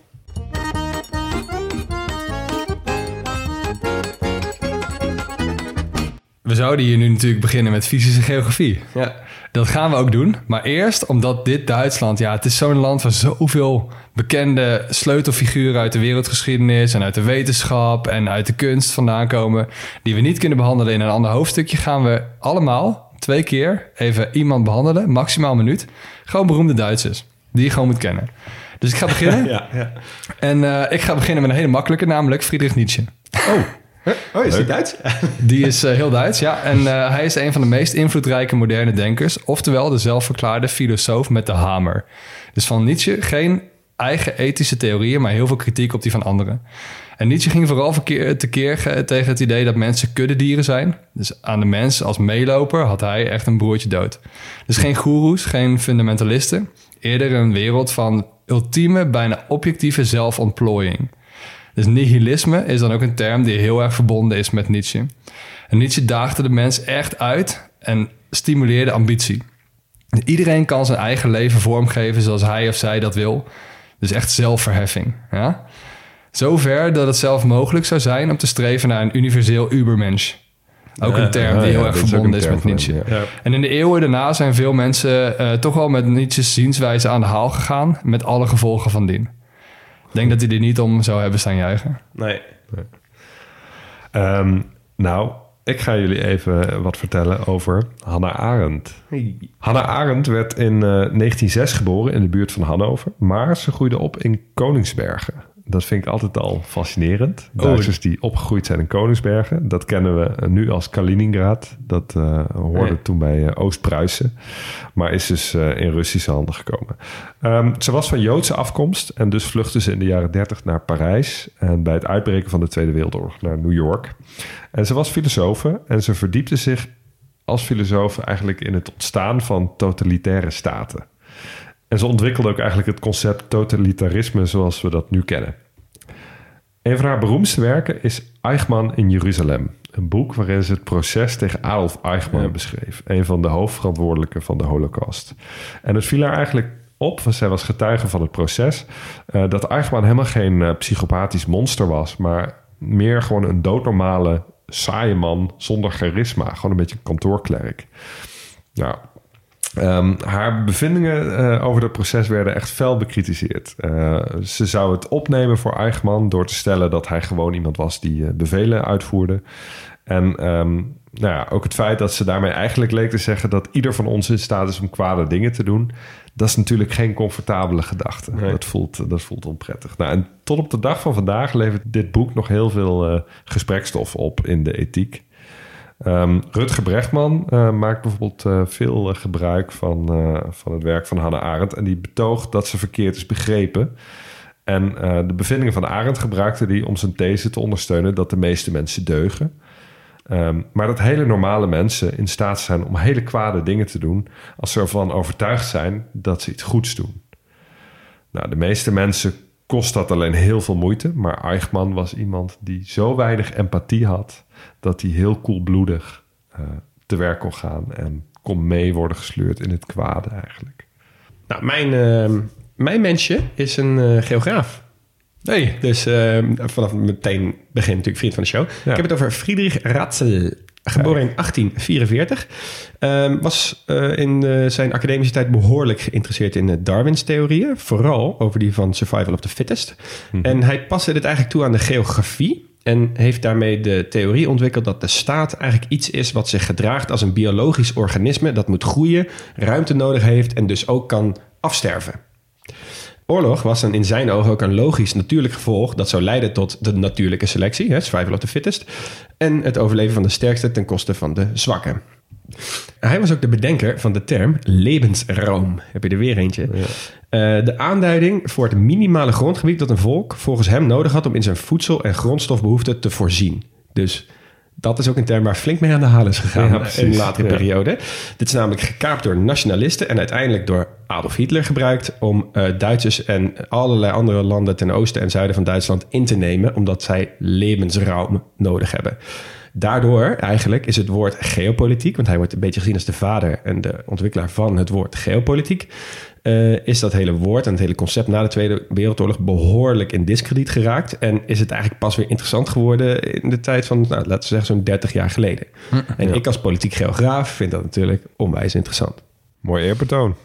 Dan is het nu tijd om te gaan praten over de fysische geografie van Duitsland. En ehm, Duitsland in het noorden, ehm, nou ja, als je een rant wil horen over die geografie, luister even Denemarken, want daar gaat Huug natuurlijk helemaal los op hoe saai Denemarken is. Dat geldt ook een beetje voor het noorden van Duitsland. Dus ga ik niet te veel bij stilstaan. Eh, in het noordwesten grenst Duitsland aan de Noordzee. In noordoosten grenst, grenst Duitsland aan de Oostzee. Het noordelijkste puntje is natuurlijk ook de grens met Denemarken. En omdat een groot deel van Noord-Duitsland eruit ziet als Denemarken, gaan we heel snel verder. Dus vuistregel is hoe zuidelijker, hoe bergachtiger. Uiterste zuiden zijn de Alpen. Dus eh, daar, komen, daar eindigen we zo meteen. Maar voordat we daar komen, komen we eerst wat middelgebergten tegen. De Harz, het Sauerland, de Eifel en het Zwarte Woud. Middelgebergten. Mooi term. Ja. Net geen echt hoogtebergte. Maar toch prima berg om in te lopen En het fietsen. en te fietsen. En kenmerkend voor Duitsland zijn de rivierdalen. Want wat wil je ook als er overal om je heen gebergtes liggen... en eh, op hele kleine idyllische schaal heb je hier een riviertje... dat ontspringt op 735 meter in de Vogezen en eindigt in de Rijn. En de ANWB zegt daarover... een betoverende regio met een rivier als rode draad... waaraan talloze kasteeltorens en wolkenkrabben... en de wijnglazen volop klinken. Daar waar Riesling, cruises en vakwerkhuizen enkele sleutelwoorden zijn. De moezel? De Moezel. Ja. Eh, dan heb ik er nog eentje. Duitslandreisgids.nl. Dit is met 1320 kilometer de langste rivier van Europa. Is overigens niet waar. En is al twee millennia als handelsroute als de weg voor culturele uitwisseling... een ware levensaarde voor West-Europa. Hebben we het over? De Donau? Maar ik denk, Voor de de West-Europa. Ik denk- West-Europa. Ik denk dat ze de Rijn De bedoelen. Rijn, Ja. ja. Maar goed, de Wolga is natuurlijk de langste rivier Ja. van Europa. Ja. Ehm, die Rijn overigens eh, biedt wel aan 30 miljoen mensen drinkwater. Zo. Dus in de jaren 60 was bijna al het leven verdwenen uit de Rijn door lozing van, nou ja, ja. van alles en nog wat. Er is heel veel plannen gemaakt om het tegen te gaan. Eh, dus de zware metalen zijn al een heel stuk minder. Maar er zijn overal heel veel nieuwe dingen voor in de plaats gekomen. Dus het gaat nog niet zo heel goed met de Rijn. Dus tegenwoordig is het vooral de chemische industrie en de medicijnresten die Ja. vooral veel gevonden worden in de Rijn. Pfizer? Nou, eh, dan nog eventjes een stukje over het zuiden, want je hebt daar de Alpen liggen. En de Alpen is een plooiingsgebergte. Dus twee continentale platen zijn er tegen elkaar aangedrukt. Ja. Dus geen subductie in dit geval, dus ook geen vulkanen. Nou, als je die reliefkaart van Zuid-Duitsland bekijkt, dan kenmerkt dat zich eigenlijk doordat je eh, een hele scherpe scheiding hebt tussen de Alpen in het zuiden en een groot laagland in het noorden. En dat laagland, dat noemen we het Morlassenbekken. Nou, die is ontstaan als een groot deel, als eh, groot dal bij de vorming van de Alpen. Daarna een beetje opgevuld met sediment uit de Alpen. In dit geval is dat een gesteente genaamd Morlassen. Maar niet helemaal gevuld, waardoor het nu wel een heel laag gelegen deel is. En dat kom je dus aan beide kanten tegen. Dus je hebt aan de ene kant heb je het Morlassenbekken in het noorden. Aan de andere kant, in het zuiden, heb je de Po-vlakte. Ja, precies. Dus dat is een beetje de reden waarom als je naar de Alpen toe rijdt... van het zuiden of van het noorden... dan kom je ineens op zo'n punt waarin je die bergen echt voor je op ziet doemen. Ja, ja, Ik klopt. ken dat heel erg vanuit mijn wintersporttrips. Dat je net onder München in één keer die bergen gewoon ziet liggen. Ja. En daarvoor, je hebt niet een soort van voorgebergte. Nou ja, Super klopt. interessant. Ja. ik vind het vooral, wat ik, waar ik altijd heel interessant vind, is dat je denkt dat Duitsland, Duitsland, Zuid-Duitsland, Alpen, dan denk je, oh, Duitsland heeft vast ook wel hele hoge bergen. Ja, het Zugspitz is de hoogste. Volgens mij, die is nog niet eens 3000 meter Nee, en die ligt letterlijk Ja. op de grens. Ja. Dus je hebt helemaal geen hoge bergen. Nee, en daarna begint het natuurlijk echt met Vorarlberg in Oostenrijk. Eh, Daar, daar zijn het echt, Precies. echt fikse bergen. Ja, maar ja. Daar, eh, daarvoor is het even een tijdje niks. Nee, nee. Nou, dan gaan we naar een hoogtepuntje. Het toerisme in Duitsland. Ehm alvast een kleine disclaimer. Hier ga ik dus redelijk snel wat dingetjes noemen... waar je eigenlijk wel heen moet of waar Duitsland bekend om staat. Yes? So Ja. bear with me here. We beginnen met een quizje. Het is een soort van audio-opsomming. Ja. We beginnen met een quizje. We hebben het al net al genoemd. De meeste toeristen in Duitsland komen uit. Nederland. Yes. En daarna? Oeh. eh, Frankrijk? Nee. Italië? Nee. Zwitserland. Ja. Ja. Frankrijk en Italië staan dus op 6 en 7. En op nummer 3, ook nog wel noemenswaardig, Polen misschien? Oostenrijk? United States. Oh, ja. Ja, dus ik denk dat dat gewoon een mix is van mensen die hun Duitsland heel interessant vinden en heritage. Ja, natuurlijk. Mensen die gevlucht zijn. Ehm, eh, de top 5 is eh, Nederland, Zwitserland, eh, Verenigde Staten, Verenigd Koninkrijk en dan Oostenrijk. Oké. Nou, Duitsland is het achtste meest bezochte land ter wereld. Vind ik best wel hoog ook nog steeds. Ja. En toerisme is 4,5% van het bbp van Duitsland. Nou, als je weet hoe groot BBP van Duitsland is, krijgen ze wel veel toeristen. Ja, 2 miljoen banen. Ehm, en uh, quizje, top 3 meest bezochte steden. Ik denk Berlijn.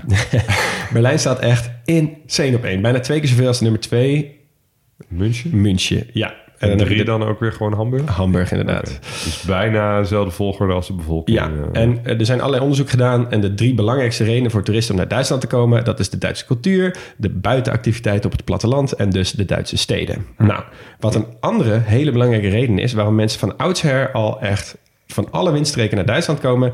is vanwege de kuuroorden. Oh ja. Je hebt verschillende spa's in Duitsland. Heel veel baden. Heel veel baden. Duitsland staat heel erg bekend om dat gezondheidstoerisme. nou, het Duitse woord kuur is natuurlijk ook bij ons bekend. Eh, denk aan kuurhuis, komt daar vandaan. Eh, het is eigenlijk het idee is dat je dus door verschillende bronnen, warm water en herstel en de preventieve zorg via mineraalwater en zoutwater en dat soort dingen, eh, dat je gezonder bent. Dus ja, bedenk ook heel veel ou- oude mensen die drijven op zout water in van die baden. Ja. En En- eerlijk, best wel lekker. Ja, ja het, het kan best wel lekker zijn. Ik ben nog even met mijn ouders geweest. En eh, mijn vader die begon eigenlijk gewoon meteen met een bommetje in het water. We zijn nog net niet die tent uitgestuurd. Maar het was wel een, eh, een legendarisch bezoek.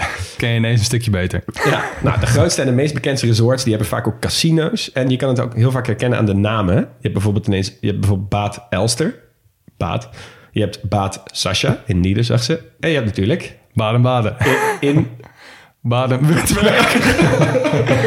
Klas, hè? Ja, ehm, en dit is ook meteen de oudste. Eh, komt pas uit de 19e eeuw, dus het valt op zich wel best mee. En zo'n kuur die je doet, die duurt daar gewoon ongeveer drie uur. Je gaat dan dus van het ene naar het andere bad en je moet dus plaatjes daarvan opzoeken. is echt magistraal mooi. Fun fact, eh, het heet dus baden vanwege de baden, maar dat is oud-Duits. Want in het Duits is het eigenlijk bidden. Dus voor ons is het heel logisch, baden. Oh ja. Maar in het Duits is het helemaal niet zo. Ja, Nee. ik snap het, ja. Nou, dan even een, eh, weer een quizje. Meest bezochte gebouwen in Duitsland. Op nummer 1. Ja, mag de Brandenburger Tor dan? Brandenburger Tor staat niet op de top 8. Ja. Maar ja, daar kun je ook niet echt in. Nee, zo, hè? precies. Nee, daarom. Oké, de Dom van Keulen. Dom van Keulen staat op 1. Oké. Op één? Ja. Wow. 6 miljoen bezoekers per jaar. Wow, maar dat vind ik echt wel 2004. bijzonder, want dat is niet in die top drie meest bezochte steden. Nee, moet je nagaan. Hm. Nou, ik zou je de rest Ik ben er geven. ook al een paar keer op geweest trouwens. Dat is een mooi ding. Ja? Hey, ken je 19, of, eh, 1884? Best wel een belangrijk jaar voor die Dom. Oké. Weet je waarom? Nou. Toen werd het afgelost als hoogste bouwwerk van de wereld. Ah, oké. Ah. En dat hebben ze eh, een paar jaar volgehouden. En toen werd het de Eiffeltoren. Ah, interessant. Oké. Je hebt ook nog op twee staat de Reichstag. Ah, ja. Heel mooi gebouw met die glazen koepel. Eh, en op nummer drie, eh Hofbräuhaus in München. Oh ja. Eh, en daar wil ik eigenlijk eventjes op ingaan. Ja, het dat is namelijk, gezellig, ja. dat is een van de meest bekende ehm, eh, cultuurfeesten van Duitsland, namelijk de Volksfesten. Eh, en eigenlijk is er in bijna alle grote steden van Duitsland, of eigenlijk vrijwel alle steden in Duitsland, heeft tenminste één en heel vaak meerdere volksfesten. En die duren niet een dag of een middag of zo, maar die duren vaak tussen de één en drie weken. Dus eh, in sommige steden heb je er zelfs twee of drie per jaar. Dus denk, beeld je even in, zeg maar, die mensen die in Nederland carnaval gaan vieren en fanatiek zijn en vijf dagen lang gaan drinken. Doe dat keer drie en dan weet je hoe die Duitsers erbij lopen. Ja, en dan heb je dus, je hebt dus natuurlijk, je hebt eh, eetfeesten, je hebt, eh, overal zit er vaak een carnaval bij, je hebt wijnfesten natuurlijk, hè, die wijnregio's waar we het net over hadden. Maar de allerbekendste zijn de bierfesten. En daarvan staat op stipt op nummer 1 Oktoberfest. Oktoberfest. Jaarlijks tussen de 5 en 6 miljoen bezoekers. Dat is Ehm, gigantisch. Dat is insane. En het eerste Oktoberfest werd in 1810 gehouden... ter ere van de bruiloft van prinses Theresia van Sachsen-Hildenburghausen... en kroonprins Ludwig I van Bayern. Eh, en dat feest was zo legendarisch goed... dat ze het jaar daarna gingen vieren dat ze dat feest hadden gehad. En het jaar daarna nog een keer. Ja, en zo is een traditie geboren. Toch lekker, geef je feest en dan volgend jaar geef je feest omdat het vorige keer zo vet was. Ja, precies. Nou, ik hou ervan. Iedereen kent het natuurlijk van de dirndls, hè, van die strakke pakjes met waar het decolleté van vrouwen enorm in eh, wordt geaccentueerd. Hoedjes, lederhozen, bloemen in het haar, muziek. Takken veel pret- bretzels, pretzels, altijd. eh, worsten en natuurlijk heel veel bier. Wat ik dus niet wist, is dat het standaard in 14 tenten is. Verschillende grootte. En je drinkt bier van zes verschillende brouwerijen. En die p- pullen, die, zijn, die, die beelden kennen we allemaal. Dat ze rondlopen met die pullen. Die zijn dus 1 liter bier per pul. Ja, ja. En dan kunnen ze er echt twintig van, tegelijk van vasthouden. Ja, en hoeveel bier denk je dat er wordt gedronken in, eh, tijdens een Oktoberfest? Ja. Er komen dus tussen de 5 en 6 miljoen mensen. Nou, stel dat die... eh, ja, er zitten natuurlijk ook mensen tussen die niet heel veel drinken. Maar toch allemaal wel een litertje. Of twee. Ja, je zit op de goede richting. Ja? Nou, er wordt 7 miljoen liter bier gedronken in een weekje of twee. Nou, wil je gaan? Eh, ons bellen. Ik denk dat wij ook wel een keertje mee willen. Eh, je moet even een plekje reserveren aan een tafeltje. Dat is, dat is best wel duur in het begin. Maar je betaalt dus meteen voor heel veel andere dingen. Dus ook voor eten bijvoorbeeld. Ja. En een biertje kost je ongeveer 10 euro per pil. Nou, dat is met deze eh, prijs van tegenwoordig niet eens zo heel veel duurder. Ik dan. hoef er Maar eigenlijk niet per se heen hoor, Boelens. ik wel, echt Nou, heel graag. Ik ga met je mee. ja, je moet wel echt zorgen dat je een goede ik ga plek hebt. veel liever Ja. naar, zo'n, eh, naar, naar een iets kleiner volksfeest in... Nou, een Regensburg of zo, een wat kleinere stad in, in Beieren. Waar Mag je niet wel. met 5, 6 miljoen er toeristen gewoon allebei. Ja, joh. En Belle Leon en ik wel even dat we vrienden zijn geworden met de CEO van BMW en dan is het Precies, ja, inderdaad, dat ja. nou, nog wat eh, eh, andere leuke dingen. Duitsland is het land ter wereld met de meeste kastelen. Ze hebben ergens tussen de... Ze hebben ergens rond de 25.000 kastelen. Grappig. Dat heeft natuurlijk te maken met het feit Ja, dat ze eerst zo'n lappendeken waren. ja. Met wat, je, hè, wat jij aan het begin vertelde, de geschiedenis. Ehm, maar ook omdat zij heel veel eh, mensen hadden die dus van elkaar afkeken. Van, oh ja, ik wil ook zo'n landhuis. Ik wil ook zo'n kasteeltje. Ja. En één iemand die wil ik eventjes daar naar voren halen. Dat is namelijk koning Ludwig II van Beieren. Ehm, zijn bijnaam, dat is fantastisch, is de Sprookjeskoning. Eh, hij is op 18-jarige leeftijd, eh, werd hij door een plotselinge dood van zijn vader, is hij ineens de koning van Beieren geworden. Maar hij had helemaal geen idee van hoe hij dat moest doen. En hij was heel erg eh, verzot op alle legendes en zagen en zo. En alle sprookjes die er toen opkwamen. Ehm, en dat heeft hij eigenlijk een beetje compleet doorgedraaid in zijn bouwlust voor spulletjes. Ehm, want ondanks, hij was heel populair, een hele knappe man was het. En, maar hij was eigenlijk best wel een Einzelganger. Wat hij wilde is zo min mogelijk contact met mensen in zijn omgeving. Dus ook de familie niet, maar ook zijn personeel niet. Het is zelfs zo dat in het eerste complex wat hij liet bouwen, slot Linderhof, echt een prachtige, prachtig kasteel in Franse stijl met echt fantastische keukens, helemaal gebaseerd op eh, de, eh, de stijl van de Franse koning Lodewijk XIV. Toen heeft hij een eetzaal laten bouwen waaronder een kamer was, waar alle bedienden konden daar zijn tafel opmaken en hebben ze toen naar boven gehezen, zodat hij in zijn eentje aan die tafel kon eten zonder dat hij bedienden zag. Yo. Deze guy. En als hij thuis was, dan zette hij een gigantische pauw voor de deur. En dan kon hij daarmee zeggen aan de rest van de bevolking... oké, ik ben thuis, mij niet storen. Oh, dus dat eh, heerlijke Duitse woord gemütlichkeit was niet aan hem besteed. Niet aan hem besteed. Nee. Nou, dat was een van de drie kastelen die hij heeft gebouwd. Ook de enige die hij af heeft gebouwd. Een andere die hij bouwde was slot Herrenchiemsee. Helemaal gebaseerd op ehm, het kasteel van Versailles. Ehm, maar nog groter. Op een gegeven moment waren er 4000 mensen tegelijkertijd bezig met de bouw. En ja, ik zal even wat foto's op de socials plaatsen. Vooral van de Spiegelzaal. Een 75 meter lange zaal met elk centimeter is gewoon bedekt met goud of spiegel of whatever. Wow, maar dan word je Echt. toch ook helemaal krank, Joram, of niet? Hij wilde dat. Hij werd, het, als die zaal werd verlicht, had je 44 kandelaars, 33 kroonluchters en 1844 kaarsen nodig. Hm. Zelf weten. Maar zijn bekendste, en dat is het, misschien wel het allerbekendste kasteel van de wereld, Schwanstein. Slot Neuschwanstein. Ja. Eh, Schwanstein is de plek waar hij is opgegroeid. Hij wilde een kasteel bouwen voor zichzelf om de rest van zijn leven in te wonen. En dat noemde hij Neu-Schwanstein. En is ook met 1,4 miljoen bezoekers per jaar het meest, de meest bezochte bezienswaardigheid van eh, in ieder geval Zuid-Duitsland. Ehm, en eh, hij liet dit kasteel bouwen om zich compleet van de buitenwereld te kunnen onttrekken. Dus hij alles voor zichzelf. Dat hele kasteel is mokergroot en het heeft één slaapkamer. Echt? Ja, that's Wow. it. Dat ligt trouwens ook echt precies op die plek waar jij het over had, eh, Max. Over, op die grens tussen het begin van de Alpen en die molassen die daar... eh, Ja, ja, Dat is, aan de ene kant, is je, zeg maar, een raampje links kun je heel ver Ja. kijken... en een raampje rechts zie je een mooi berg. Die berg, Ja. ja. Ja, tof. Nou, dit is het kasteel dat Walt Disney heeft bezocht en uiteindelijk heeft gebruikt als, eh, als voorbeeld voor het kasteel van Doornroosje. En dat kasteel is weer het kasteel van Disneyland en wat je altijd ziet bij de logo's van die films, weet je wel. Oh, dat is een lekker feitje. Ja, dat is lekker feitje. Ja, jullie kijken alsof het super normaal is, maar ik had geen flauw idee.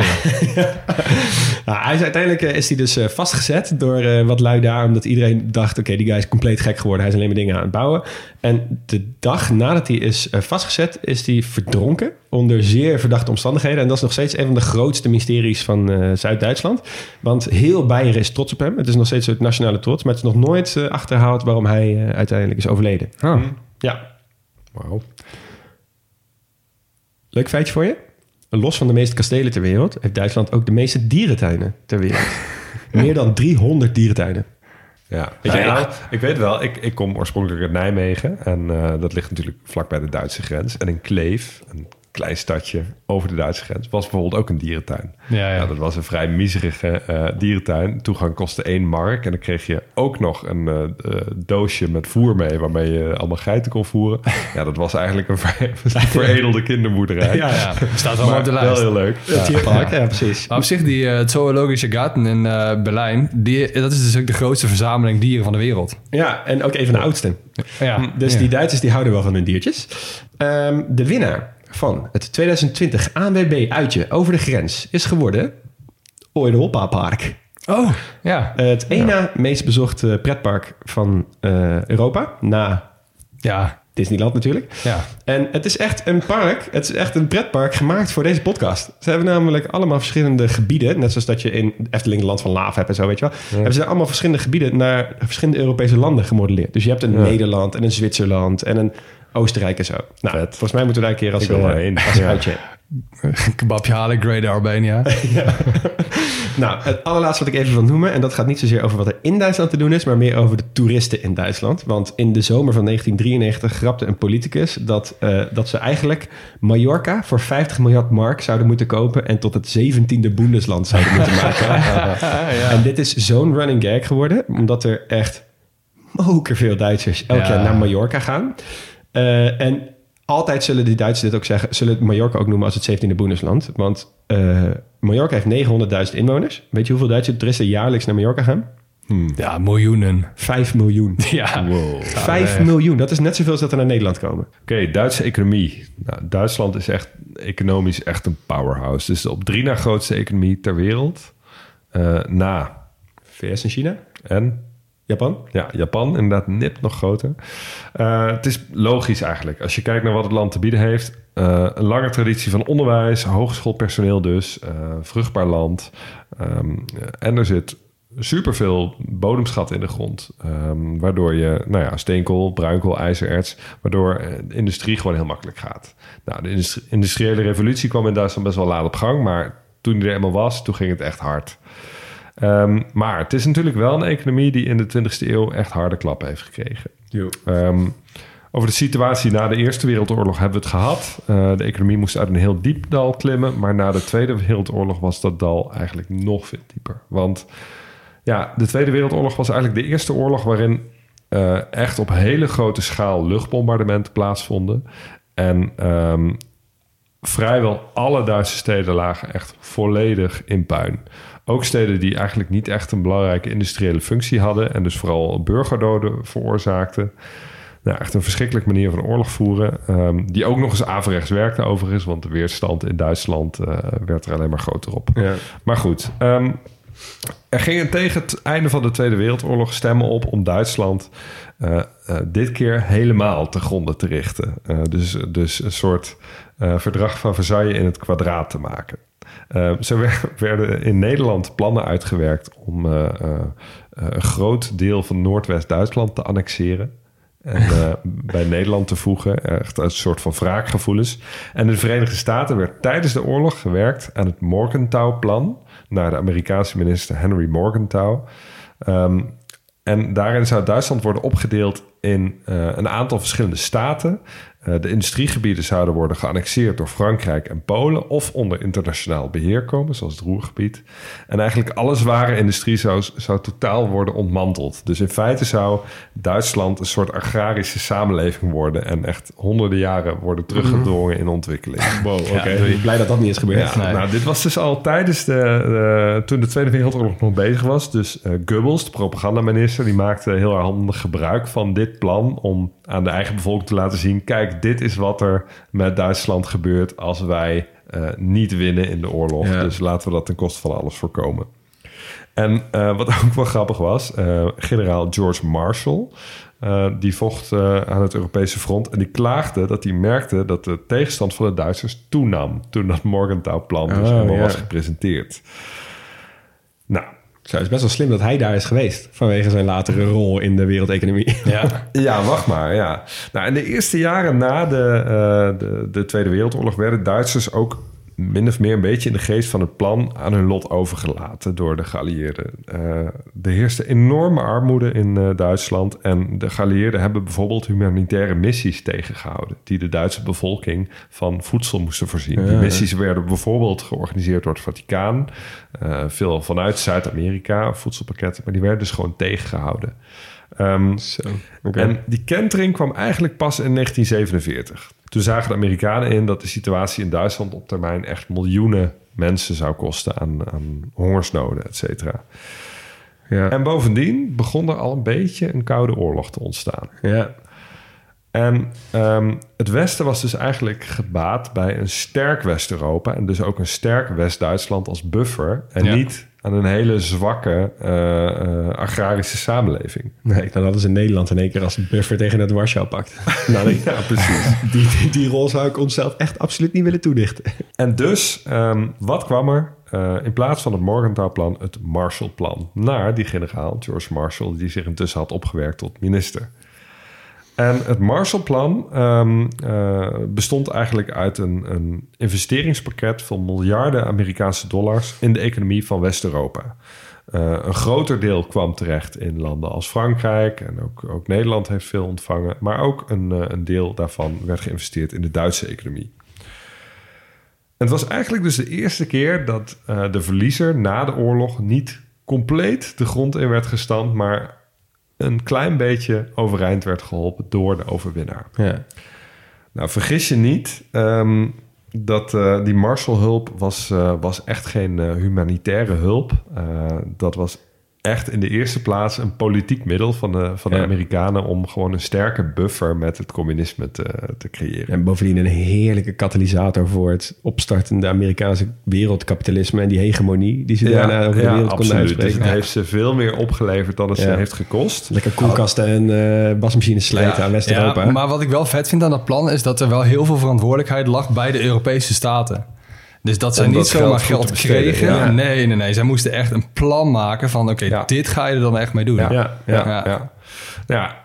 eh, bedoeld of niet, die aanpak bleef wel de basis voor een hele langdurige periode van vrede in Europa. En was ook een, een, werd ook een belangrijk deel van de filosofie van bijvoorbeeld de Verenigde Naties en later ook de Europese Unie. Namelijk dat eh, als je iedereen welvarend maakt, dan verdwijnt eigenlijk de drang om oorlog te voeren. Ja. Nou, dat is een hele succesvolle eh, gedachte die Europa heel veel heeft gebracht. Het is eigenlijk een soort communistisch kapitalisme. Als iedereen eh, gewoon op hetzelfde niveau geld verdient, dan wordt, is iedereen tevreden. Ja. Ja, nou ja, dat is natuurlijk wel, eh, wel het idee waar veel internationale organisaties op zijn gestoeld. Ja. Ehm, hoe dan ook, eh, in de periode jaren 50, jaren 60 herstelde de West-Duitse economie zich echt razendsnel. Ehm, en dat principe kennen we natuurlijk als het Wirtschaftswunder. Ja, ook zo'n mooi Duits woord. Ja, ja. Eén woord, geen spaties. We hebben het nu al deze tijd natuurlijk over West-Duitsland. Misschien wel goed om heel even te noemen. Ook in Oost-Duitsland werd heel veel geïnvesteerd door de Sovjet-Unie. Dat was natuurlijk een beetje de showstaat van het communisme. En eh, Oost-Berlijn was dat in het bijzonder. Omdat eh, daar eigenlijk ja, letterlijk over de muur heen kon worden gekeken... naar hoe goed het allemaal zou moeten zijn in, eh, in Oost-Berlijn. Ja. Uh, nou, voor communistische begrippen lukte dat redelijk, maar de economische kracht van, van de uh, DDR haalde het niet bij, bij de opkomst die West-Duitsland doormaakte in die periode. Ik wil even één sector van de Duitse economie eruit pikken. De auto-industrie. Ja, Ja, ik dacht dat als er één sector zou worden, dan zou het deze worden. Ja, we gaan het, eh, we gaan het een keer wat meer over auto's hebben. Ehm, de auto-industrie is enorm. Ook nu nog. eh, de op drie na grootste producent van auto's ter wereld. Terwijl toch heel veel productie van industrie is uitgeschoven naar, eh, naar landen met lagere lonen. Ja. Eh, en gaat ook heel ver terug. Want de eerste auto ter wereld werd gebouwd in Duitsland door... Mercedes? Bijna, Karl Benz. Ja, die Ja, stond inderdaad aan de, aan, de, eh, eh, aan de wieg van Daimler-Benz. En eh, later dus Mercedes. Ehm, dat gebeurde rond Stuttgart. Dus in, in het zuiden van Duitsland. Porsche komt ook uit, uit de regio rond Stuttgart. Nou, BMW kennen we natuurlijk, komt uit München. Opel uit de buurt van Frankfurt. Ehm, de fabrieken van Audi lagen in Zwickau en Chemnitz. Een oplettende luisteraar die hoort natuurlijk... hé, hey, dat ligt in Oost-Duitsland. Nou ja, na de Tweede Wereldoorlog ehm, is, heeft Audi daarom zijn hoofdkwartier... verhuisd naar Ingolstadt in Zuid-Duitsland. Ehm, eh, om, om in West-Duitsland te blijven, als het ware. Dus het zwaartepunt van de auto-industrie lag echt, echt wel in Zuid-Duitsland. Ja. Ehm, die fabrieken van Audi in de DDR, die, ja, die fabrieken zelf konden ze natuurlijk niet meenemen, dus die bleven daar. En eh, die werden gebruikt voor het paradepaardje van de Oost-Duitse auto-industrie. Trabant? De Trabant. Nice. ja. Ehm, Trabant was, eh, was natuurlijk eh, ja, een beetje het hoogst haalbare bezit in de Oost-Duitse samenleving. Ehm, en ook wel echt een hele bijzondere auto. Eh, wat zo uniek was aan deze auto was dat de buitenkant van de carrosserie van Duroplast was. Dus niet van aluminium of zo, maar van een soort kunststof. Oh, Ehm, en waarom, waarom deden ze dat nou? Er was een tekort aan staal in de DDR en een overschot aan katoenvezels in de Sovjet-Unie. En als je katoenvezels eh, vermengt met hars, dan krijg je gewoon een heel sterk, ja, een soort van eh, eh, ja, een heel sterk kunststof waar je goedkoop en licht auto's Dus, mee kan bouwen. dus zeg maar, de Trabant is van hetzelfde materiaal gemaakt als mijn t-shirt. Eh, ja, ten dele wel. Ja, precies. Maar het is natuurlijk heel praktisch. Nu ook uh, autobumpers worden tegenwoordig ook gewoon van plastic gemaakt. Ja, niet, precies. eh, ja. Nou, het grootste automerk hebben we nog niet genoemd. Volkswagen. Ja. En eh, dat is tevens het, het, het eh, Duitse bedrijf met de grootste omzet. Dus het is het allergrootste Duitse bedrijf. Groter dan Siemens bijvoorbeeld. Ja. Eh, en op de tweede plek staat trouwens Mercedes. Dus dat zijn echt supergrote bedrijven. Ehm, weten jullie hoe Volkswagen werd opgericht? Ja, ik heb al het idee dat het gewoon echt een, een soort natiemerk dat is geweest. ook. Maar Beetje net als zeg maar, de Hugo Boss onder de auto's. Gewoon geclaimd door de nazi's. Ja, dat werd het uiteindelijk. Maar eh, Volkswagen is opgericht door Ferdinand Porsche. Oh, oké. Die ook Porsche oprichtte. Ah, ja. Maar eh, jullie hebben wel gelijk. Want ehm, Ferdinand Porsche die kreeg persoonlijk van Hitler de opdracht... om een auto te bouwen voor de normale man. Dus Ja. een, eh, de, eh, we hebben het over de, de jaren 30. Eh, automobiliteit was nog niet vanzelfsprekend. Het was vooral weggelegd voor de rijken. Ja. Er moest er dus een auto voor de gewone eh, Ja, heel nationaal-socialistisch gedacht van hem. Ja, Ehm, en die auto dat werd de Kraft Freude, afgekort KDF. En die kennen we beter als de Kever. Ja. Oh, komt het daar vandaan, ja? Dat komt daar zeker vandaan. En de nazi's die bouwden een eh, stad voor de arbeiders rondom de fabriek. En die fabriek die stond in de buurt van het stadje Fallersleben. En eh, die stad die kreeg de naam Stad des KDF-wagens bij Fallersleben. Ja, mooie, hele mooie naam. Hele Super mooie naam. sexy. En die stad kennen we nu als Wolfsburg. Wolfsburg. Ja. inderdaad. Het bekt iets lekkerder. Ja. Ehm, nou, na de oorlog be- bleef de fabriek bestaan en eh, toen pas beleefde de kever pas zijn echte doorbraak. Ondanks het feit dat dus het eigenlijk een kindje van het nationaal socialisme was, Ja. oorspronkelijk. Het werd de meest gebouwde auto ter wereld. Tot een andere Volkswagen die titel overnam. De Golf. Dan. Ja, de Golf inderdaad. Oh, ja. Oh, dat is wel een laaf, stuk later geweest Ja, dan. maar oh, dat weer een Ja, wat is Volkswagen. dat, eh, jaren geeft aan 80 of zo, denk ik. zoiets. Hoe groot dat merk 90 is. misschien zelfs. Wanneer was de Ja, golf? Eh, die is begonnen denk ik in de jaren 70. Maar het zal tot de jaren 80 of 90 hebben geduurd... voordat hij de kever heeft ingehaald. Ja. Dat is alweer een lekker voorbeeld. Hè? Dat je dan... Die, die Volkswagen natuurlijk hè, was redelijk overgenomen door de nazi's. En die Tweede Wereldoorlog stopt. En de politici worden berecht. Nou, over? Nou, Ja. nee. Nee. Want het bedrijfsleven, dat, gaat, dat kabbelt allemaal voor. Ja. En er zijn wel meer van die bedrijven. Nou, Ja, denk zeker. aan Hugo Boss. Hugo Boss staat, stond in de Tweede Wereldoorlog bekend als de gast die de alle nazi-uniform heeft gesteld. Ja. Ja. En ik, hoeveel mensen kennen nu die Hugo Ja. Boss voor de luchtjes hebben of, of, dingen doen? Of zo'n ThyssenKrupp of zo. Dat Ja, soort... eh, ja. Ja, klopt. Ja. Nou, ook vandaag de dag heeft Duitsland nog echt een, eh, een enorme auto-industrie, maar ook een grote chemische industrie bijvoorbeeld. Ehm, eh, maar je hebt natuurlijk wel steeds meer uitschuiving naar lage lonenland. Dus dat is wel een uitdaging waar Duitsland veel mee te maken heeft. En zeker het, roer, het Roergebied, hè, die grote eh, steenkoolregio, eh, daar zijn natuurlijk echt wel uitdagingen. Nou, Ja. gelukkig is er ook nog de landbouw. Ehm, Even side note. Twee na grootste landbouwexporteur ter, ter wereld. Hè? En een enorme dienstensector. Eh, vooral het bankwezen in eh, Frankfurt am Main. Ook Ja. wel Manhattan genoemd natuurlijk. Ja, ja. Of Ja. Bankford. Bankford. of Bankfurt, ja. Ja, dat zijn natuurlijk grote, grote pijlers... Die, eh, die de economie van Duitsland toch wel eh En de Europa. 21ste eeuw zullen blijven dragen. Ja. En Europa. Daar komt toch het legendarische spreekwoord vandaan. Als, Europa, of als Duitsland niest, is Europa verkouden. Zeker. Dit is wel echt een voorbeeld van een land met zo'n diverse economie. Ja. Oei, oei, oei. Duitsland kan echt alles.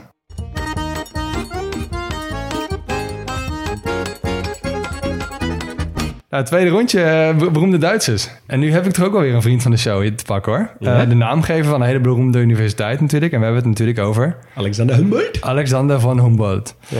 Vriend van de show natuurlijk, want eh, geograaf, maar niet alleen maar geograaf. Kom ik zo meteen op. Het is echt een, iemand met heel veel verschillende interesses, heel veel verschillende vakgebieden. Eh, hij is volgens Charles Darwin, ook geen kleintje, de belangrijkste wetenschappelijke reiziger aller tijden. Wow. Zo, dat is Lekkere titel. een, eh, ja. Kan je het in LinkedIn zetten? Meten, verzamelen, observeren en vooral het creëren van integrale wetenschappen uit onderdelen die nog onverenigd waren. Dus hij zag als een van de eerste de grote samenhang tussen flora en fauna en de aarde. En reisde naar Amerika en waarschuwde voor ontbossing en door de mens veroorzaakte klimatologische ontwikkelingen. Zo. Dus hij zag die ontwikkeling echt al eh, nou ja, eind 19e eeuw. En Van Humboldt koppelde zijn bevindingen aan elkaar... en geldt eigenlijk dus ook als, het, als de bedenker van het concept van de natuur... zoals wij dat nu kennen. Ja. En eh, hij ontdekte zoveel dat er niemand is... naar wie zoveel dingen vernoemd zijn. Oh, Denk daar eens over na. Wow. Je bedoelt ook qua plantjes en Qua diertjes? plantjes, qua en dat soort diertjes, qua eh, eigenlijk alles wat je kunt ontdekken... daar staat wel zijn naam op. dingen. Ah, vet. En dat terwijl hij eigenlijk zelf bijna geen grote ontdekkingen deed.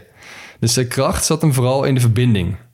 Dus alles hangt met elkaar samen. Dus je hebt geografie, antropologie, biologie, politiek. En Dus hij was heel erg gefocust op kolonialisme, slavernij, klimaat Ja. en economie. Allemaal balancerend op grote, kwetsbare grondvesten van de natuur. En om met Goethe te spreken, een dag met Van Humboldt... heeft me meer verrijkt dan enkele jaren in mijn leven. Wow. Oh. En eh, om met Goethe te spreken, ik ga jullie even meenemen naar Johann Wolfgang Goethe. Ehm, geboren in 1749 in Frankfurt. Hij studeerde rechten. Ehm, dat, dat wist ik eigenlijk helemaal niet. En wat ik ook eigenlijk helemaal niet wist, is dat hij zijn hele leven als ambtenaar heeft gewerkt. Ook wel als hoge ambtenaar. Hij is zelfs minister geworden. Ehm, maar we kennen hem toch vooral om wat hij allemaal nog meer was. En ja, wat was hij niet? Eh, wetenschapper, toneelschrijver, romanschrijver, filosoof, dichter en natuuronderzoeker. Ehm, zijn bekendste werk is het eh, vierdelige toneelstuk Faust. Ja. En eh, hij heeft daar vanaf zijn tienerjaren tot aan zijn dood aan gewerkt. Dus het is echt zijn levenswerk. En hij heeft het dus ook bijvoorbeeld nooit in zijn geheel uitgevoerd zien worden. ja. Hoewel die dus tegenwoordig eigenlijk vooral bekend is om zijn eh, eh, literaire verdiensten, was hij zelf het meest trots op zijn eh, natuurwetenschappelijke bereiking. Ehm, hij ontwikkelde bijvoorbeeld een kleurentheorie, ontwikkelde een theorie over een oerplant, ehm, die hij in Italië dacht te hebben gevonden. En ook op het gebied van, van mineralogie was hij zeker niet onverdienstelijk. Hij had dus ook echt een bovengemiddelde interesse in geologie. Dus we mogen hem met recht eh, vriend van de show noemen. Kijk, vet leuk als je zoveel dingen mag doen. Gewoon, de hele tijd. Ja, en er is zelfs een mineraal naar hem genoemd. Nou, dan sluit ik af met... eh, ik weet niet of ik hem vriend van de show zou noemen... maar hij is in ieder geval veel aan bod gekomen. We hebben het namelijk over de bebaarde vriend Karl Marx. Eh, geboren in 1818 in Trier. Ehm, en ik wil eigenlijk even een beetje inzoomen op een van de theorieën van Marx. Eh, niet zozeer op zijn leven. Ehm, voor Marx was arbeid een sociale interactie tussen mensen. En hij ziet mensen als natuurlijke sociale wezens. Dus arbeid, tijdens je werk praat je met mensen. Kijk je naar mensen, doe je met mensen. Uh, maar hij zag onder het kapitalisme dat, het, dat de winst steeds belangrijker werd dan die sociale interactie. En dat vond hij maar niks eigenlijk. Hij zag dat mensen die werden productiemachines. En arbeid zag hij echt, werd steeds meer een bron van ellende voor de mens. Dit is tijdens de opkomst van de, de industriële revolutie. Mensen werden in machines gewoon aan een lopende band gezet. En mochten niet meer met elkaar praten, moesten maximale output leveren. Um, en met die theorie, het marxisme, heeft hij eigenlijk diepgaande invloed gehad op uh, de eeuwen daarna, zelfs tot vandaag. Um, we kennen het eigenlijk voornamelijk als de, het fundament van het moderne communisme. Dus hè, waar we de Sovjet-Unie en alles van kennen. Uh, en de meeste moderne socialistische theorieën zijn ervan afgeleid. Uh, hij schreef het Communistisch Manifest samen met zijn mattie Friedrich Engels. En daarna schreef hij Das Kapitaal. En dat is een van de belangrijkste politieke werken van de 19e, 20e en eigenlijk ook 21e eeuw geworden. Hm. Ja, Wat ik altijd wel bijzonder vind, is dat Marx dus eigenlijk nooit uh, de functionerende communistische staten heeft meegemaakt in de 20e eeuw. Nee, maar hij is overleden in 1883. Ja, hij is ook verbannen heel... naar Londen. Hij is daar overleden. Ja, ik ben heel benieuwd wat hij ervan had gevonden, hoe er met zijn theorie aan de haal is gegaan. Ik denk dat hij Stalin uh, niet zo'n uh, niet zo'n mooi vent vond. Nee, we hebben ook best wel wat beroemde Duitsers gezien die, ze, die hun werk toch wel geïnterpreteerd hebben zien worden. Mwah, ik denk niet dat ze er heel tevreden mee zouden zijn. Inderdaad, ja. Hey, Duitsland best wel kunstland, uh, mannen. Zo. En natuurlijk kan niet alles behandelen. Um, mochten jullie nog heel veel suggesties hebben die ik niet noem, hou je bakkers maar. ja. Want uh, anders uh, gaat het nooit afkomen, dit verhaal. Ik, nee, ik noem zitten. even twee namen die we uh, anders nergens kwijt kunnen. Hebben in ieder geval de gebroeders Grimm. in, in, de, in de zin van mensen die dingen hebben opgeschreven. Mm -hmm. sprookjesschrijvers, als je wil weten wat van hun is... doe maar alles wat je dacht dat van Hans, Christian Andersen was en andersom. ja. ja? dan hebben we Martin Luther. geloofshervorming, een mooie lijst gemaakt op kerk. Ook dingen opgeschreven. en ook wel de aartsvader van het protestantisme. Zo, ja? nou, hè, hebben we die maar even afgetikt. Hebben we die maar even gehad. Hier zijn mensen op afgestudeerd. Ja, ja, precies. Maar ook eigenlijk wel op alle namen die ik nu ga noemen. Misschien behalve eentje, maar maakt niet uit. Uh, ik heb film en muziek. Daar gaan we het mee doen. Dus ik uh, geef jullie alvast even een uh, tipje van de sluier. Dat zijn de hoofdstukken waar we ons vooral op gaan richten. Uh, ik doe eerst even film, want Duitsland is echt de absolute voorloper op gebied van film. Ja. Zo vroeg dat de gebroeders Skladanowski, Max hey, en Emiel in 1885 hun eerste voorstelling gaven met hun filmprojector Bioscoop. Hm. Dat was de eerste filmvoorstelling met betalend publiek ooit. Oh. En zij gelden daarmee dus ook wel als de eerste nou ja, commerciële bioscoop. Beetje de gebroeders wow. Wright van de filmindustrie eigenlijk. Exact, precies dat. Nou, moet genoemd worden, andere filmmaker, uh, een vrouw. En dan heb ik het over Leni Riefenstahl. Ja. Duitse regisseuse die wereldberoemde slash beruchte film maakte in dienst van de nazi-top. Dus Ja. zij leende haar talent en haar carrière eigenlijk voor eh, films die vooral in teken stonden van de nazi-propaganda. Wie niet zo'n fan was van de nazi's was Marlene Dietrich. Nope. Toch wel een beetje de Marilyn Monroe van Duitsland. Verhuisde in 1930 naar de VS en werd door Hitler echt zo'n beetje gesmeekt om terug te komen. Maar pijnste er niet over. Nee. Die bleef lekker daar. Echt wel een bekende naam ook. Zeker, ja. Nou, wereld, uh, Tweede Wereldoorlog werkte ook door in Duitsland als filmwereld. Want de geallieerden die wilden in het kader, kader van denazificatie hun films zo toegankelijk mogelijk maken. Hè, dus um, de manier waarop het Westen films maakte, dat moest zo toegankelijk mogelijk worden voor de Duitsers. Dus werd alles nagesynchroniseerd. Ah, daar komt het vandaan. Daar komt het vandaan. Dus ehm, uiteindelijk is dat zo groot geworden dat het nu gewoon een soort ja, ge- gewoon is geworden. En nou ja, tot op de dag van vandaag wordt het nog veel meer gedaan dan in andere Europese landen. Als kind vond ik dat al zo compleet bizar. Ja. Ja. Als zo'n George Clooney zat praten... is- eh, huh? Ja, maar ook Ja. dat heeft dus weer een soort historisch slash geopolitiek tintje. Dus Ja. best wel interessant. Maar goed, we gaan even naar wat muziek luisteren, jongens. En daar is plenty. Dus ehm, de grootte der aarde. Twee stuks. Bij gebrek aan tijd om het over tien stuks te hebben.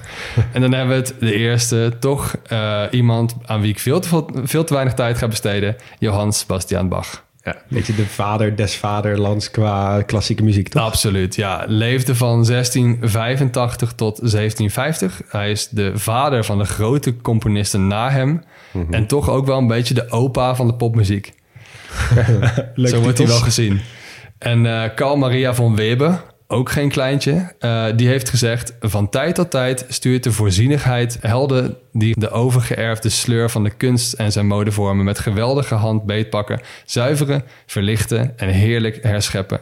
Zodat de vermoeide kunst daarna weer jeugdig fris verder kan. Dat gaat dus over Johann Sebastian Bach. Nou, Bach is in Nederland vooral bekend van de Matthäus Passion. Dat is toch wel een beetje eh, het werk dat in Nederland het meest bekend is. Dus we gaan even een stukje luisteren van Erbarme dich, een deel van de Matthäus Passion.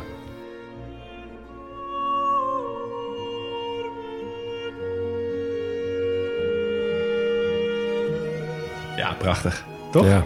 Tenminste, ja, ik ben geen groot eh, klassiek muziekfan, maar dit soort dingen eh, kan ik wel de schoonheid van inzien. Ja, Kunnen, ja. wel, kunnen jou wel bekoren? Jawel. Langer zit, maar wel echt de moeite waard. Ja, ik ben eens een keer Helemaal geweest in het. Concertgebouw. Ja, het is een beetje Merry Christmas van Pasen dan, toch? Of niet? Het is altijd met Pasen. Het is altijd met Pasen, ja. Nou, heel veel eh, heel invloed gewe- geweest op de componisten daarna. En een van die anderen is dus Ludwig van Beethoven. De andere grote meester waar we het even over moeten hebben. Ik laat even een stukje horen van zijn vijfde symfonie.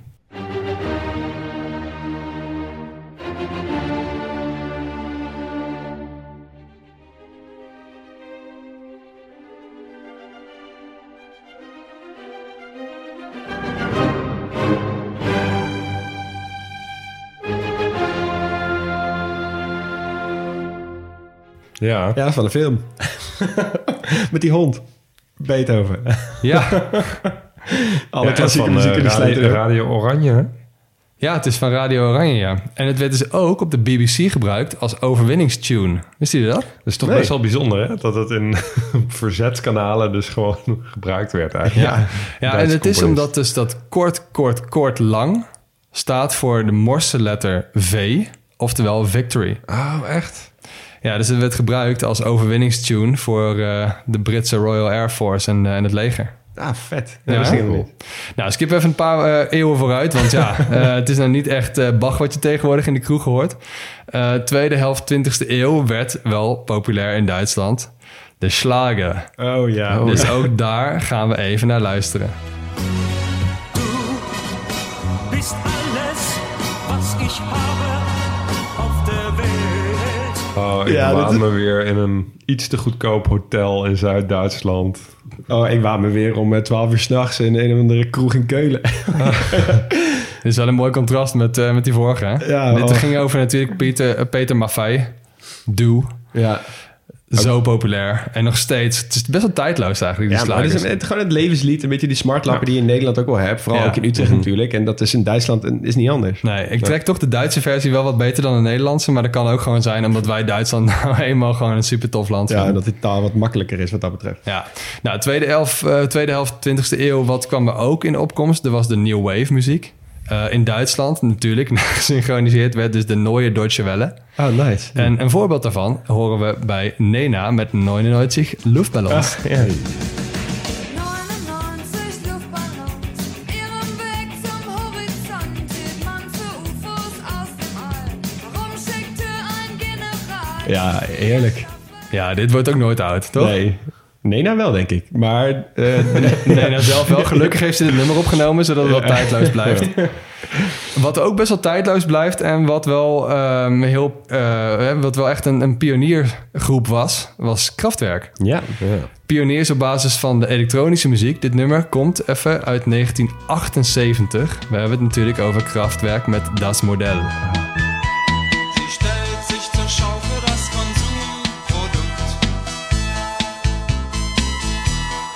1978, dat is oud. Ja joh. Wow. Ja, echt Op hè? Dit- zoveel- Dit, dit wordt nog steeds gewoon in een Berlijnse underground club eh, Zeker. gewoon grijs gedraaid. Is die maar ook omhoog? op, op- van zoveel invloed geweest op artiesten die daarna kwamen. Ja. Eigenlijk bijna iedereen die iets met elektronische muziek doet, heeft wel, kan wel weer teruggrijpen op wat Kraftwerk Precies. heeft, ge- heeft Ja, gedaan voor echt, die wereld. Nou, wie ook redelijk naam heeft gemaakt in de muziekwereld van de elektronische muziek, is natuurlijk Scooter.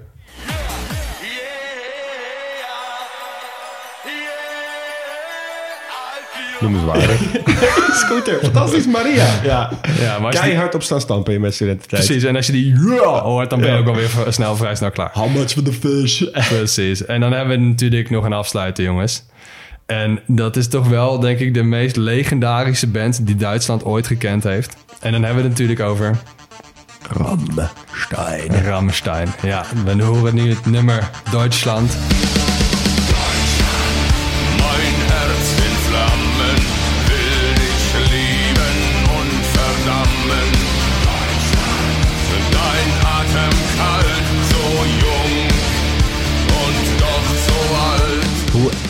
Iconisch ook voor deze aflevering. Het is een vrij jong nummer. Ehm, clip is gemaakt met als een soort van visie van hun op de Duitse geschiedenis en de Duitse cultuur. Nou, niet iedereen is fan. Ik ben gigantisch fan. Leon, ik weet jij ook. Hugo, ben jij een beetje fan van Ramstein? Ja, ik kan het wel waarderen. Ja. Ik vind het wel tof aan Ramstein dat zij. Ehm, er zijn zoveel mensen die Ramstein tof vinden, maar die metal verder niet tof vinden. Ja, Kijk, ik ben ja. ook, een- ik ben ook een groot metal fan, dus voor mij is het makkelijk, weet je. Ja. Maar er zijn heel veel mensen die vinden Ramstein helemaal het einde, maar vinden voor de rest het hele genre waardeloos. Ja, en, ja, dat geldt voor mij inderdaad. ja, en wat ik een van de vetste dingen ook voor Ramstein vind, ze zijn mega progressief. Ja, maar ehm, zo worden ze niet altijd gezien, of zo werden ze niet altijd gezien in de geschiedenis. Dus tuurlijk, ze zijn niet vies van een beetje controverse. Dat zie Nee. je wel aan de, aan de clip van zo'n nummer als, als Duitsland. Ja. Maar eh, ze hebben bijvoorbeeld ook die film Olympia van Leni Riefenstahl... hebben zij getoond in hun videoclips. En daarom werden ze ook wel uitgemaakt voor nazi's. Maar als reactie hebben ze bijvoorbeeld ook weer het nummer gemaakt... Links 2, 3, 4. Daar gaan we ook even een stukje van luisteren.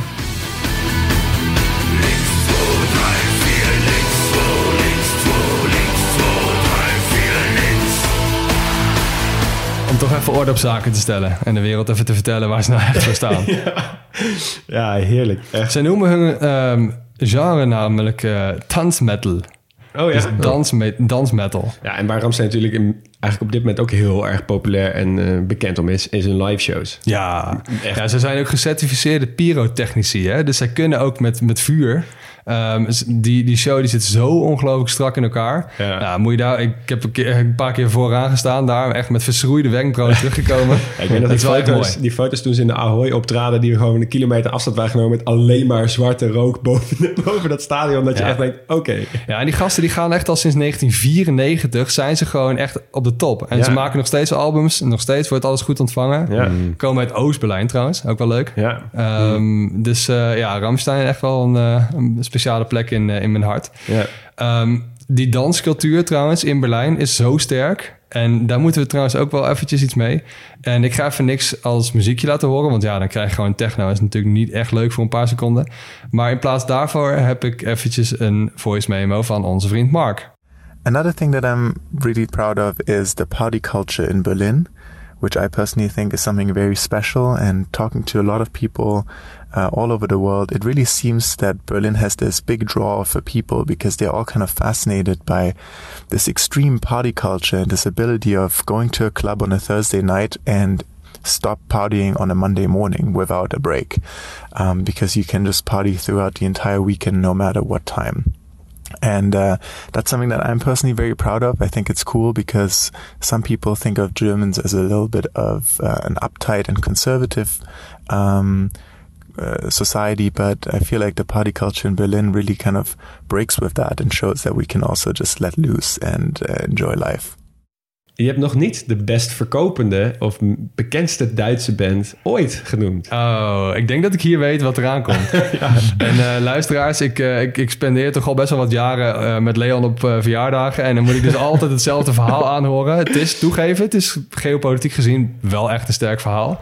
Dus ik geef je nu voor één keer gewoon de, de mogelijkheid. Pak het podium en dan zijn we er daarna ook vooral vanaf. Want het gaat om de band Scorpions, met het nietje. Winds of Change. Winds of Change. Ken je het verhaal hier of niet? Eh Jazeker. Ja, het, is, eh, het idee was ooit... Dat nummer is heel erg opgekomen tijdens de val van de muur. Eigenlijk voor de val van de muur. En er is daarna een hele grote theorie, hardnekkig ontstaan... dat de CIA dat nummer heeft geschreven... en als het ware heeft gegeven aan de Scorpions... om het in Duitsland heel populair te maken. En is toen vervolgens via allerlei ondergrondse handeltjes... via Polen en allerlei andere landen... ook in Rusland terechtgekomen... waar het ook echt een hit was voor de val van de muur. Ehm, en er zijn allerlei onderzoeken naar gedaan... of dat echt daadwerkelijk zo is. En ja, de waarheid is gewoon nog steeds niet boven tafel. Maar ja, winds of change. Dat is ook wel het mooie van het verhaal, toch? Ja.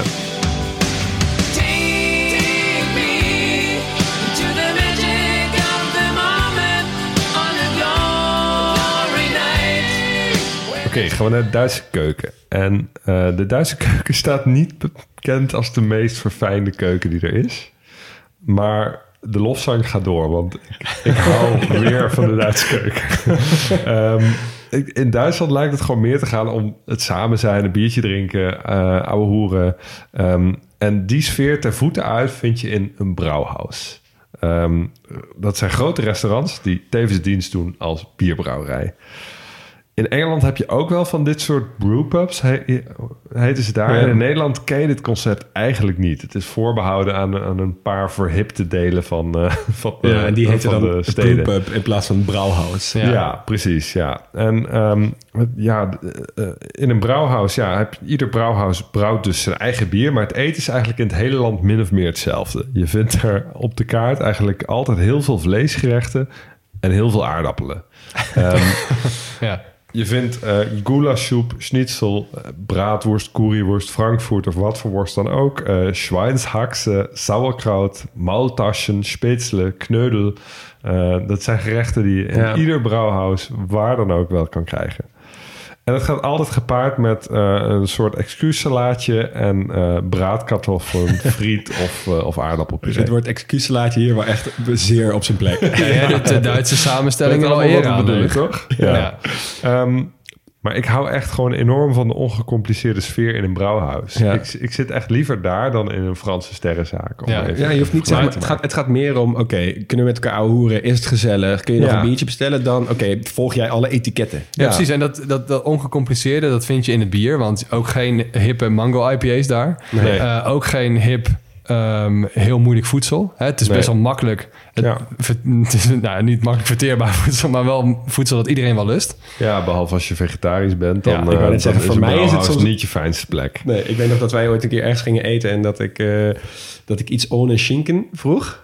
Kreeg En- kip. Ik werd aangekeken alsof ik echt net had gevraagd of ik Ja. de dochter mocht Ja, het doodschieten. aanbod wordt wel, eh, wel breder hoor. Vooral in Berlijn natuurlijk. Vegetarisch eten is ook in Duitsland grote steden. wel in opkomst. Dus ja, maar ja, gewoon hè, de, de ober die eh, de bierconsumptie van je tafel bijhoudt met streepjes, eh pennenstreepjes op een bierveeltje. Ja. Dat soort dingen, dat is, dat is gewoon priceless. En het is er de hele dag druk, want Duitsers die lunchen vaak ook warm. Dus er wordt gewoon de hele dag warm gegeten en eh, bier gedronken. Dus dat is van 's ochtends vroeg tot 's avonds laat is het feest. Duitsers eten gewoon veel. Ja. Nou, over die curryworst die je in, eh, in brouwhuizen kunt eh, eten... die vind je natuurlijk ook prima als streetfood. En als we het over streetfood hebben... dan moeten we het ook even hebben over deuner. Ja. Ja. Deuner is van origine natuurlijk een Turks gerecht. Ehm deuner betekent trouwens ronddraaien in Turks. Ah, vanwege die, vlees zit op een spies en dat draait rond... zodat het aan, aan alle zijden uiteindelijk wordt verhit. Ehm, maar internationaal is deuner eigenlijk pas echt doorgebroken in Berlijn. Waar in West-Berlijn Turkse immigranten in de jaren 70 dat op de markt brachten. En eh van daaruit is het eigenlijk groot geworden en heeft de wereld veroverd. Wat in Duitsland eh, wel heel verfijnd is, is de bakcultuur. Duitsers zijn echt Ja. fantastische broodbakkers.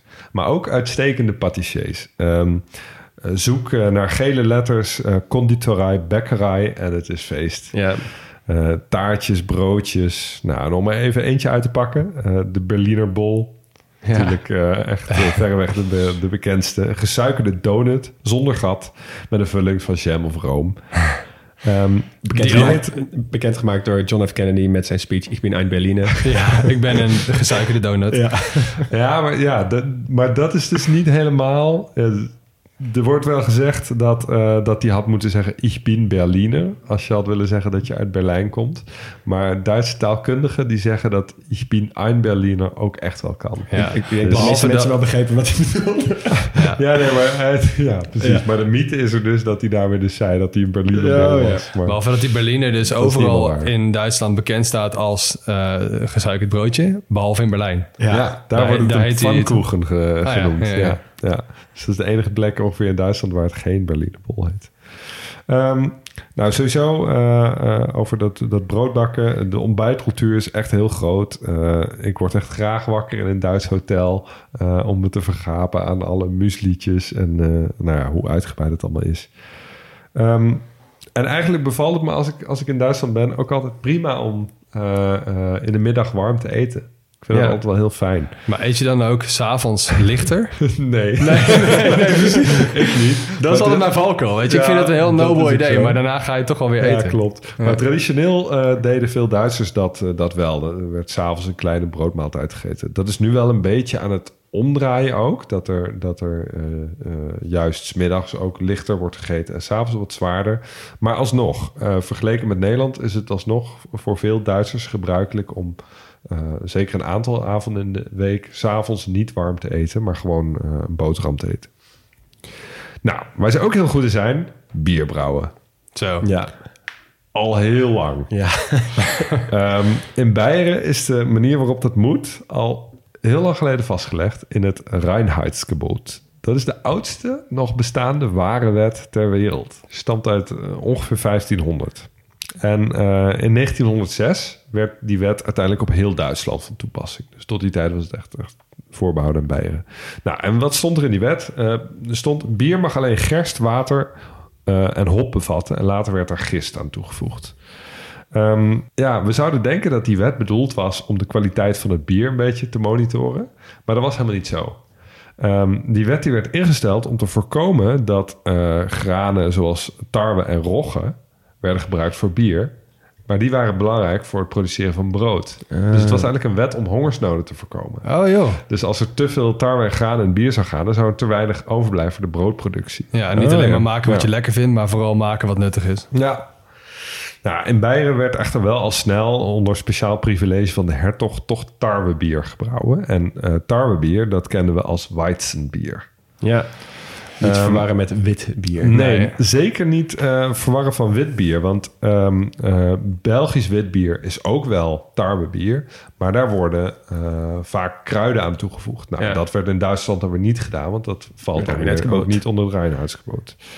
Ehm weten jullie trouwens waarom eh wit bier eigenlijk wit bier wordt genoemd in Nederland? Geen idee, eerlijk gezegd. Ja, het heeft dus niet te maken met een beetje de melkachtige witte kleur die het, die het bier heeft. Ehm, het komt gewoon van Weizen. En Weizen betekent tarwe in Ja. het Duits. En in Nederland had je wijd. Dat is eh, Ah, ja, van, van boekwijd boekwijd, bijvoorbeeld.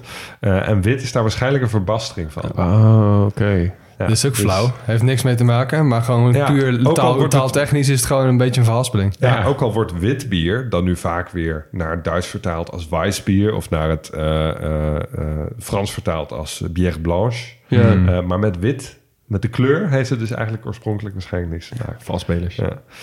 Nou, ehm, die eh, wet van het Reinheidsgebod die verbood ook de import van buitenlands bier dat niet volgens de wet was gebrouwen. En in de jaren tachtig heeft de Europese Commissie geoordeeld dat dat een beetje indruist tegen eh, het vrijhandelsverkeer. Ja. Eh, dus sindsdien is die wet ingeperkt en mag er dus wel bier worden geïmporteerd dat niet aan het gebod voldoet. Mogen ze ook IPA's maken? Ja, Eh, ja nou, maken mocht sowieso, sowieso al, alleen dan mag het geen... dus ze mogen er geen eh smaakjes ze mogen er geen smaak aan toevoegen. Anders, ja, het mag wel, maar dan heet het geen bier. Nee. Ja. Ja. Nou, vergeet ook niet de Duitse wijnen. Ehm, we je hebt ze al genoemd, Max, in het Moezeldal. Eh, vooral in het zuidwesten groeien heel veel druiven. Eh, langs de Moezel en de Rijn. Die rivieren die snijden zich daar diep in door die, eh, door die gebergtes. Waardoor je dus prachtige dalen krijgt en mooie, mooie wijnterrassen. Eh, vooral witte wijn. Riesling natuurlijk. Maar ook Weissburgunder en Grauburgunder. En de, de roodwijn die je veel tegenkomt is Spätburgunder. Ja, heerlijk. Burgunder wordt aan de Franse kant Pinot genoemd. Ja, ja. Dus Pinot Blanc is hetzelfde als Weissburgunder. Pinot Gris is Grauburgunder. En Ja. eh, Pinot Noir is Spätburgunder. Spätburgunder is trouwens wel misschien wel mijn favoriete rode wijn. Ja, ik, heb, ben is- ook, ik ben, kom net uit de Elzas vandaan. Ik heb daar absoluut genoten van zowel Ja. de Pinot Noir als de Spitburgunder. Ja, die, die is wat lichter, zowel Ja. van kleur als, als van smaak. Ehm, Ja. eh, tussenwijntje bijvoorbeeld- voelt het als. Ja, Ja. precies. Dus, dus het drinkt tamelijk makkelijk weg. Dat maakt Ja. een beetje gevaarlijk. Ja. Ja, sport. Waar te beginnen? Eh, een van de meest succesvolle sportlanden ter wereld. Even voordat we starten noem ik even een paar namen waar ik niet per se heel erg op inga. Ehm, Michael Schumacher, Jan Ulrich, Steffi Graf, Sebastian Vettel, Claudia Pechstein, Boris Becker, Frans Beckenbauer. Volgens mij voor iedereen eh, wel bekende namen. Ja, dat zijn Ehm, geen amateurs. Nee. Nee. Nou, beginnen met het quizje. Hoeveel eh, Olympische medailles denken jullie dat ze hebben? En nu heb ik het over alle Duitslands. Dus West, Oost, En ook, natie. en ook alle medailles? Dus, of Ook alleen zomer goud? en winter. Nee, eh, goud. Wel alleen goud, oké. Alleen goud. Ja, ik denk honderden. Ik denk eh 720. Het zijn er 1821. Oh, eh, ja, dat zit ik mooi verkeerd. Ja, en eh, daarmee staan ze dus op een, eh, op een derde plek in totaal. Dus de Verenigde Staten staan één. eh, Rusland met alle dingen erbij staat twee. En Duitsland met alle dingen erbij staat drie. Zo. Ja. En dus in de internationale medaillespiegel staat normaal Duitsland derde, staat Oost-Duitsland elfde en staat West-Duitsland 24ste. Zo. Oh ja. Dus dat is echt, echt grappig. Maar goed. Ook bizar dat Oost-Duitsland dus eh, als een kleinere Duitsland zoveel hoger stond dan West-Duitsland. Ja, Dat ja. aan wat, Ja, maar eh, West-Duitsland heeft al... Ja, precies, ja. West- West-Duitsland had minder eh, goede doping. was. Ja, zal wel een rol hebben gespeeld. Eh windsport, windspelers is natuurlijk ook fantastisch in. Staat zelfs nummertje uno. Nou, twee momenten van de Olympische Spelen zijn heel belangrijk geweest. Die eerste waren die, die München, die heb ik genoemd. Die andere zijn de Olympische Zomerspelen van 1936 in Berlijn. Nou, Ja. ik weet niet of jullie die kennen. Was, het zou natuurlijk het paradepaardje van Adolf Hitler moeten zijn... om te laten zien, nou, hè, de Duitsers, die, die blonde mensen met blauwe ogen... dat zijn de Ubermenschen. En zij zouden overal zomaar de gouden medailles binnentrekken. eh helemaal op het koningsnummer, de 100 meter sprint. Van tevoren hebben de VS gezegd... wij zullen ons terugtrekken uit de Olympische Spelen... als de Joodse atleten niet mee mochten doen. Maar uiteindelijk hebben ze het toch ingegeven... en zijn ze wel naar de Olympische Spelen gegaan. Ehm, en toen werd het eigenlijk een soort showcase van... oké, hoe gaan die Arische mensen het doen? Enter Jesse Owens. Jesse Owens, jongen uit Oakville, Alabama... had volledig scheid aan alles wat de Ubermenschen zouden moeten zijn. Hij won goud op de 100 meter sprint. Hij won goud op het verspringen. En hij won goud op de 200 meter sprint. En goud op de estafette. Vier keer goud. Dat is echt waanzinnig. Nou, als je een prima manier hebt om die Hitlerse mythe van Arische suprematie te verpletteren, is dit het wel. Het schijnt dat het hoofd van Hitler gewoon echt één grote donderwolk was. Ja, hij heeft ook nooit een felicitatie uitgegeven en zo. Maar er is nog een ander heel leuk verhaal, wat ook nog wel eens eh, aan het licht wordt gebracht. Is dat eh, hij wat hulp had bij het verspringen, een van zijn gouden medailles, door een Duitser. De toekomstige Duitse soldaat Long. Eh, Owens had namelijk best wel wat last met zijn verspringmogelijkheden. Dus na twee keer een verkeerde sprong. Toen zat hij helemaal in zijn eigen hoofd. En toen is die Long naar hem toegelopen. En die heeft hem gezegd... joh, jij kan dit. Jij bent beter dan dit. Word kalm. Je bent echt gewoon de allerbeste. Let's go. Eh, het was helemaal niet om te bespotten of zo. Maar gewoon om hem advies te geven. Om te verzorgen, oké, jij kan dit echt wel winnen. Eh, en toen heeft hij dus in no time de kwalificatieafstand daarna gesprongen in zijn derde sprong. En uiteindelijk heeft hij goud gewonnen. Ze hebben daarna zelfs nog een soort vriendschap onderbouwd. Die natuurlijk niet per se heel goed was voor de situatie van Long. En eh, Owens heeft later geschreven over de periode. Wat ik me het meest herinner van die hele periode was de vriendschap die ik met Lutz Long sloot. Ja. Dat is mooi. Mooi, vet. eh, mooi verfilmd, ook Sport wederom. verbroederd. Ja. Ja. Dit was ook die spelen trouwens, waar eh, Haiti en Liechtenstein erachter kwamen dat ze dezelfde vlag hadden. Goede voetnoot. Ik kan me echt alleen maar die blikken in hun ogen voorstellen. Van, Hè? Jullie ook? Wow. Ja. Nou, eh, even Duitsland in het algemeen. Natuurlijk een gigantisch sportland. Meer dan 27 miljoen mensen zijn lid van eh, een van de bijna 90.000 sportclubs. Eh, dus het is echt mega veel. En ze hebben naast hun sportieve taak ook vaak een sociale en inclusieve rol. Helemaal in de afgelopen jaren is er heel veel aandacht uitgegaan vanwege de toenemende internationalisering in Duitsland. Hè. Heel veel vluchtelingen opnemen, sowieso heel grote Turkse achterban natuurlijk. Ehm, en ongeveer 60.000 clubs hebben leden met een migratieachtergrond. En er wordt ook echt gezien als een soort plek waar mensen daarin verenigen. Dus Duitsland die investeert daar heel veel tijd, geld en moeite in... dat dat echt een plek is waar mensen elkaar tegenkomen. Nou, sport verbroedert, zoals we net hebben gezien. Ja. Verder wordt Duitsland samen met Denemarken beschouwd als de geboorteplaats van welke sport? Volleybal. Bijna goed. Handbal. Oh. Handbal is echt huge in Duitsland. Oh ja. En ook in Denemarken. Het wordt over het algemeen gezien als de ene populairste teamsport. Daarna basketbal en daarna ijshockey. En ijshockey weten we ook nog wel. Wij zijn naar een wedstrijd geweest in eh, Düsseldorf. Was Oh echt geniaal ook. Maar die sport is daar dus ook best wel groot. Dus die doen het ook altijd goed op de Olympische Spelen. Ja, je hebt de Berliner IJsbeer natuurlijk ook nog. Ja, ja. Wie willen die ijsberen zien? Oh, oh, oh. Ik vond het wel vet om te kijken daar. Ja, super vet. Ik vind maar het lijkt me wel vermoeiend om elke week in die koude hal te moeten staan. Ja, de sjaaltjes verkopen wel goed ja, denk dat ik. denk ik ook wel, ja. Ja. Ehm, maar verreweg de meest populaire sport is natuurlijk voetbal. Ongeveer 8% van de bevolking is lid van een voetbalclub. Eh, en er zijn natuurlijk 5 miljoen verhalen te vertellen over eh, alles wat er in Duitsland gebeurt. Ja. Ze werden wereldkampioen in 1954, 74, 1990, 2014. En ze werden Europees kampioen in 1972, 1980 en 1996. Ze hebben eh, twee En dan we- heb je het alleen nog maar over de mannen. Alleen over de mannen, inderdaad. Eh, ze hebben twee keer het WK georganiseerd. In 74 en 2006. En het EK van 1988. En, eh, goed dat je zegt, eh Huug. Want Duitsland is het enige land dat zowel het mannen- als het vrouwen wereldkampioenschap en Europees kampioenschap heeft gewonnen. Ja. Oh ja. Ja, dus die doen het echt supergoed.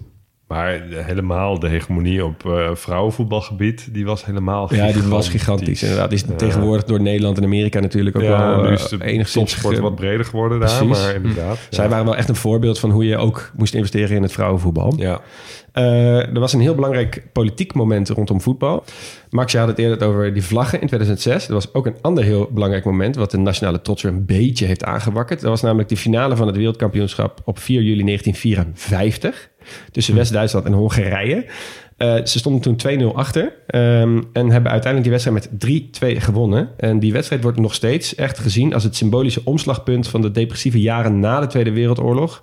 En de optimistische periode die dus met dat Wirtschaftswunder onder andere gekenmerkt werd. Dat is Wunder van Bern. Ja, precies. En de Duitse radioverslaggever die verslag deed van die finale, die eh, had het historisch belang al vrijwel snel door. En sprak de woorden: Wir sind wieder wer. Wij zijn weer iemand. Joh, Ja, moet je nagaan hoe groot die rol van sport is hierin. echt. Ja, Dus dat je als natie gewoon, eh, eh, ja, een beetje ongelukkige woordkeuze, maar gewoon als land helemaal aan de afgrond zit, ook moreel gezien. En dan één kampioenschap. En dat is het dan. Ja. Ja. Vind ik heel vet. Nou, de grote rivaliteiten die Duitsland heeft met omliggende, omliggende landen is natuurlijk logisch. Ook vanwege die oorlogsgeschiedenis. Ze worden gezien als de grootste rivaal van Engeland, van Polen, van Frankrijk, eh, van België zo nu en dan. En van Nederland. En Ja. Ik heb me dus door meerdere Duitsers laten vertellen dat de Duitsers Nederland zelf zien als hun grootste rivaal. Niet de Polen, niet de Fransen, niet de Engelsen, maar de Nederlanders. Ja, ik heb het ook wel is eens gelezen. bijzonder, hè? Ja, ik- ik was zo blij. Ik was zo blij dat ik dit las. Ja, echt soort Dat ik dacht van, oh, dit is ook ook gewoon zo zielig als wij dat dan echt super spannend vinden. Dat zij denken van, ah, weer het potje tegen Nederland. Ja, nee, dat is waar. Maar ik vind het wel veel eer. Ja, maar het was niet altijd zo. Ehm, kijk, in 1974 verloren we natuurlijk een legendarische finale van ze, de WK-finale. Ehm, en dat was voor Nederland echt een gigantisch drama. Want wij eh, wilden toen, wij, tussen aanhalingstekens, wilden wraak nemen op de Duitsers vanwege hè, het, eh, de Tweede Wereldoorlog verloren. En er was echt nog een soort nationaal trauma bovenop die oorlog natuurlijk al. Ehm, maar na het EK 1988 veranderde dat volledig. Er waren verschillende acties. Zo heeft de keeper Hans van Breukelen tegen de Duitse aanvoerder eh Lothar Matthäus gezegd... Ik hoffe dat du fucking stirbst. Toen hij op de grond lag voor zijn eh 16 meter gebied. Er waren constant spreekkoren in het publiek van... Bekkenbouwen, zeer positief, niet netjes. En de Duitse metroreiziger kregen constant te verstaan... dat ze naar de gaskamer zouden worden gebracht... als ze niet eventjes zouden ophoepelen uit die metro. Dus Nederland gedroeg zich echt verschrikkelijk tegenover de Duitsers. Ja. Eh, in hun eigen land overigens, want daar was het EK. Ehm, en die, toen heeft Nederland de halve finale gewonnen van Duitsland. Met een legendarische goal van Marco van Basten, die iedereen nog kan herinneren. En wat er daarna gebeurde was een soort ontlading van die wraakgevoelens die ze niet in 1974 hadden. Eh, dus constant werd er gezegd, ah, we hebben wraak genomen voor de oorlog. En wat het beeld wat het meest is bijgebleven bij de Duitse voetbalfans...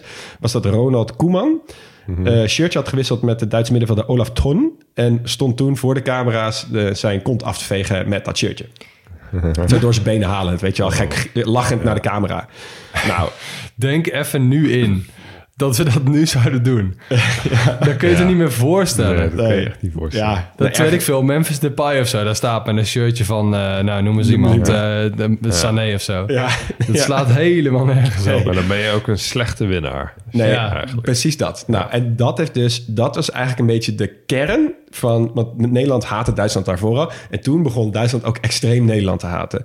Dus eh, heel Duitsland zat echt op zijn achterste poten na dit evenement.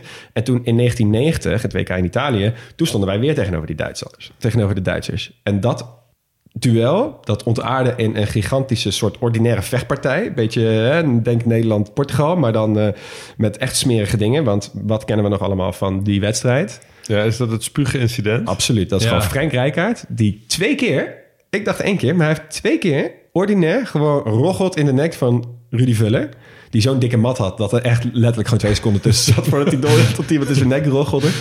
Maar het is echt smerig wat hij doet. Hij loopt er gewoon langs. Hij tuft eerst nadat hij een soort eh, vermaning heeft gekregen. En de tweede keer dan staat hij er gewoon naast en hij tuft hem zo in zijn Ja. nek. Die blik van Rudy Vuller, ik echt. Dat hij, hij is daarna ook gewoon langzaam heen gerend zonder hem aan te raken. Ik vind het echt knap. Nou, die, ehm, die onderlinge verhoudingen die zijn de laatste jaren wel wat losser geworden. Nu zijn er vooral veel plaagstootjes heen en weer. Denk aan eh, plaagstootjes. Denk aan de, de Duitse helmen voor het WK van 2006. Was wel iets meer dan een plaagstootje. Misschien ook niet even netjes, want die werden een beetje gerefereerd aan een soort van die, eh, van die nazi-helmen, maar dan knal oranje.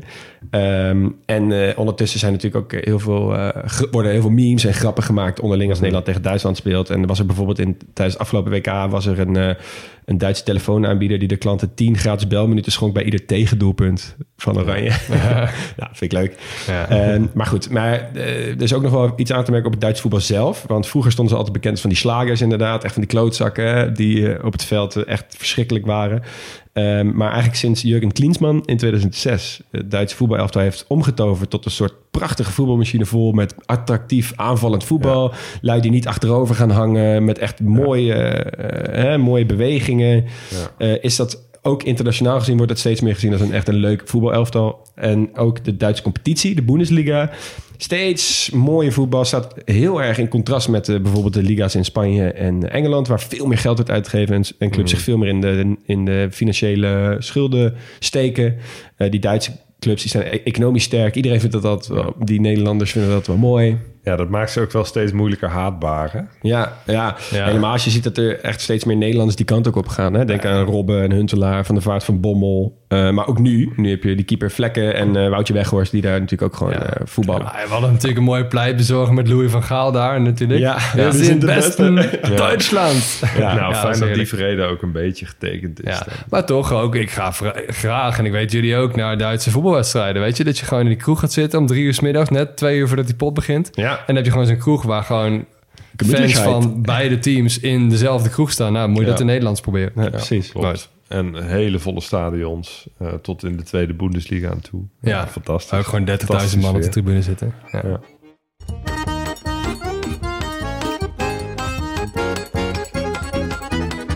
Oké, eh, ik durf mij niet te vragen, maar ehm, wat maakt Duitsland uniek? Ja, ik weet genoeg antwoorden op deze vraag, maar wat was het antwoord? Laat ik zeggen, de manier waarop Duitsland met zijn recente geschiedenis omgaat. Ja, die had ik Ja, ook dat, echt dat, op top of mind. dat maakt Duitsland gewoon uniek. ja, En dat is een deel van waarom wij het zo'n fantastisch land vinden. ja, ja. Ja, en wat, wat Duitsland denk ik ook uniek maakt... is dat het een geschiedenis heeft van een afwisseling van eenheid en verbrokkeling. Eh, maar dat het, dat het door die eeuwen heen toch ja, een, een volksaard heeft kunnen ontwikkelen. Ja, ja zeker. Ja. En wat ik, wat ik misschien ook aan Duitsland uniek vind, eh, ik weet niet, ja, in ieder geval uniek aan de landen die we tot nu toe, zij hebben vrije tijd uitgespeeld. zij hebben Ja. de meeste gekke oude gebouwen, meeste dierentuinen, al die feesten waar ze van houden, eten in de kroeg, drinken, alles. Heel veel dingen die zij doen, doen ze om de gezelligheid. Ja. En ze zeggen altijd het Nederlands woord gezelligheid kent geen, an- kent, kan niet vertaald worden in een andere taal. Nou, gemütlichkeit komt behoorlijk in de buurt. Zeker. Wat ze nog meer uniek maakt, en hierna hou ik ook op, is hun hoofdstad. Want een gedeelde hoofdstad met zo'n muur er dwars doorheen, die in twee landen ligt, met zo'n andere sfeer. En die zich na, nou wat is het, eh, de eenwording, maar zeker in de 21ste eeuw, ontwikkeld heeft tot een soort van hoofdstad van de wereld voor, nou ja, toch wel een bepaalde beweging in, het, eh, in de wereld. Ja. Echt ongeëvenaard. Ja. Ja, zeker. Ehm, wat gaan we in één dag in Duitsland doen?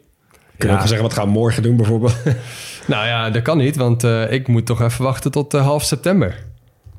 Want kleine mythe over Oktoberfest. Nee, het begint niet in oktober. nee. Het begint half september. Het eindigt in oktober. Ja, dus ik zou gewoon een dag lekker gewoon bier gaan drinken in Oktoberfest. Ja. Heel simpel. Ja. Jij? Eh, ja, Max, je maait heet het, het gras voor mijn, voeten, voor mijn voeten weg. Ik zou ook eigenlijk gewoon... eh, Ik naar- heb twee plekken gereserveerd aan de tafel, misschien wel drie. Ja, ik ga, ik ga... Kijk, in alle grote Duitse steden ben ik al een keer geweest. Maar de enige waar ik nooit ben geweest is München. Dus ik wil gewoon een dag in München zijn. Dat is wel mooi hoor. Ja, daarom. Dus Dus jullie gaan ga, samen? ik denk het wel. En dan ga Ja. ik gewoon... eh, dan eh, ga ik niet de hele dag in zo'n tent zitten. Maar dan ga ik... kijk even wat ik doe. Er is genoeg te doen daar. Er schijnt ook nog wat kasteeltjes in de buurt te zijn. Nou, ik ga naar Bremen. Ja, Ja. ga jij lekker naar Bremen. Ja. nou ja, weet je wat het is? Kijk, eh, ik ben best wel vaak in Duitsland geweest, maar ik denk dat Bremen is de grootste stad in Duitsland waar ik nooit ben geweest. En het ligt wel behoorlijk dichtbij, dus het is Ja. goed binnen bereik. En het schijnt een super mooie oude Hansestad te zijn. Ehm, eh, dus ja, daar ben ik, eh, ben ik heel benieuwd naar. Nou, een super mooie oude stad, oude binnenstad. En de ring daarbuiten is vet lelijk. Dat is perfect. Ja, zo'n 1 euro bar en zo. Dan, Ah, top. Nou, dat klinkt als een mooie combinatie. Nou, veel Ja. spaas. Ja. Nou, en eh, om af te sluiten met Duitsland hebben we nog even een gek feitje voor jullie. Een gek manier waarop Duitsland toch weer een beetje unieker is in deze hele wereld. Dus we gaan even voor de laatste keer luisteren naar Mark. Eh, dit wordt een feitje dat je de rest van je leven niet meer gaat vergeten. Um, a fun fact about Germany that I wanted to share and that I'm also proud of, to be honest, um, is that most German men sit down to pee.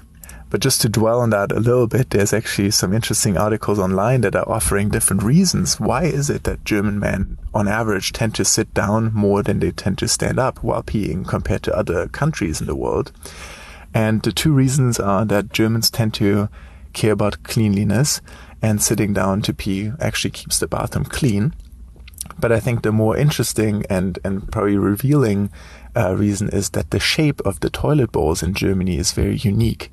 There's something called the German platform toilet, which essentially has this little platform right underneath your bum.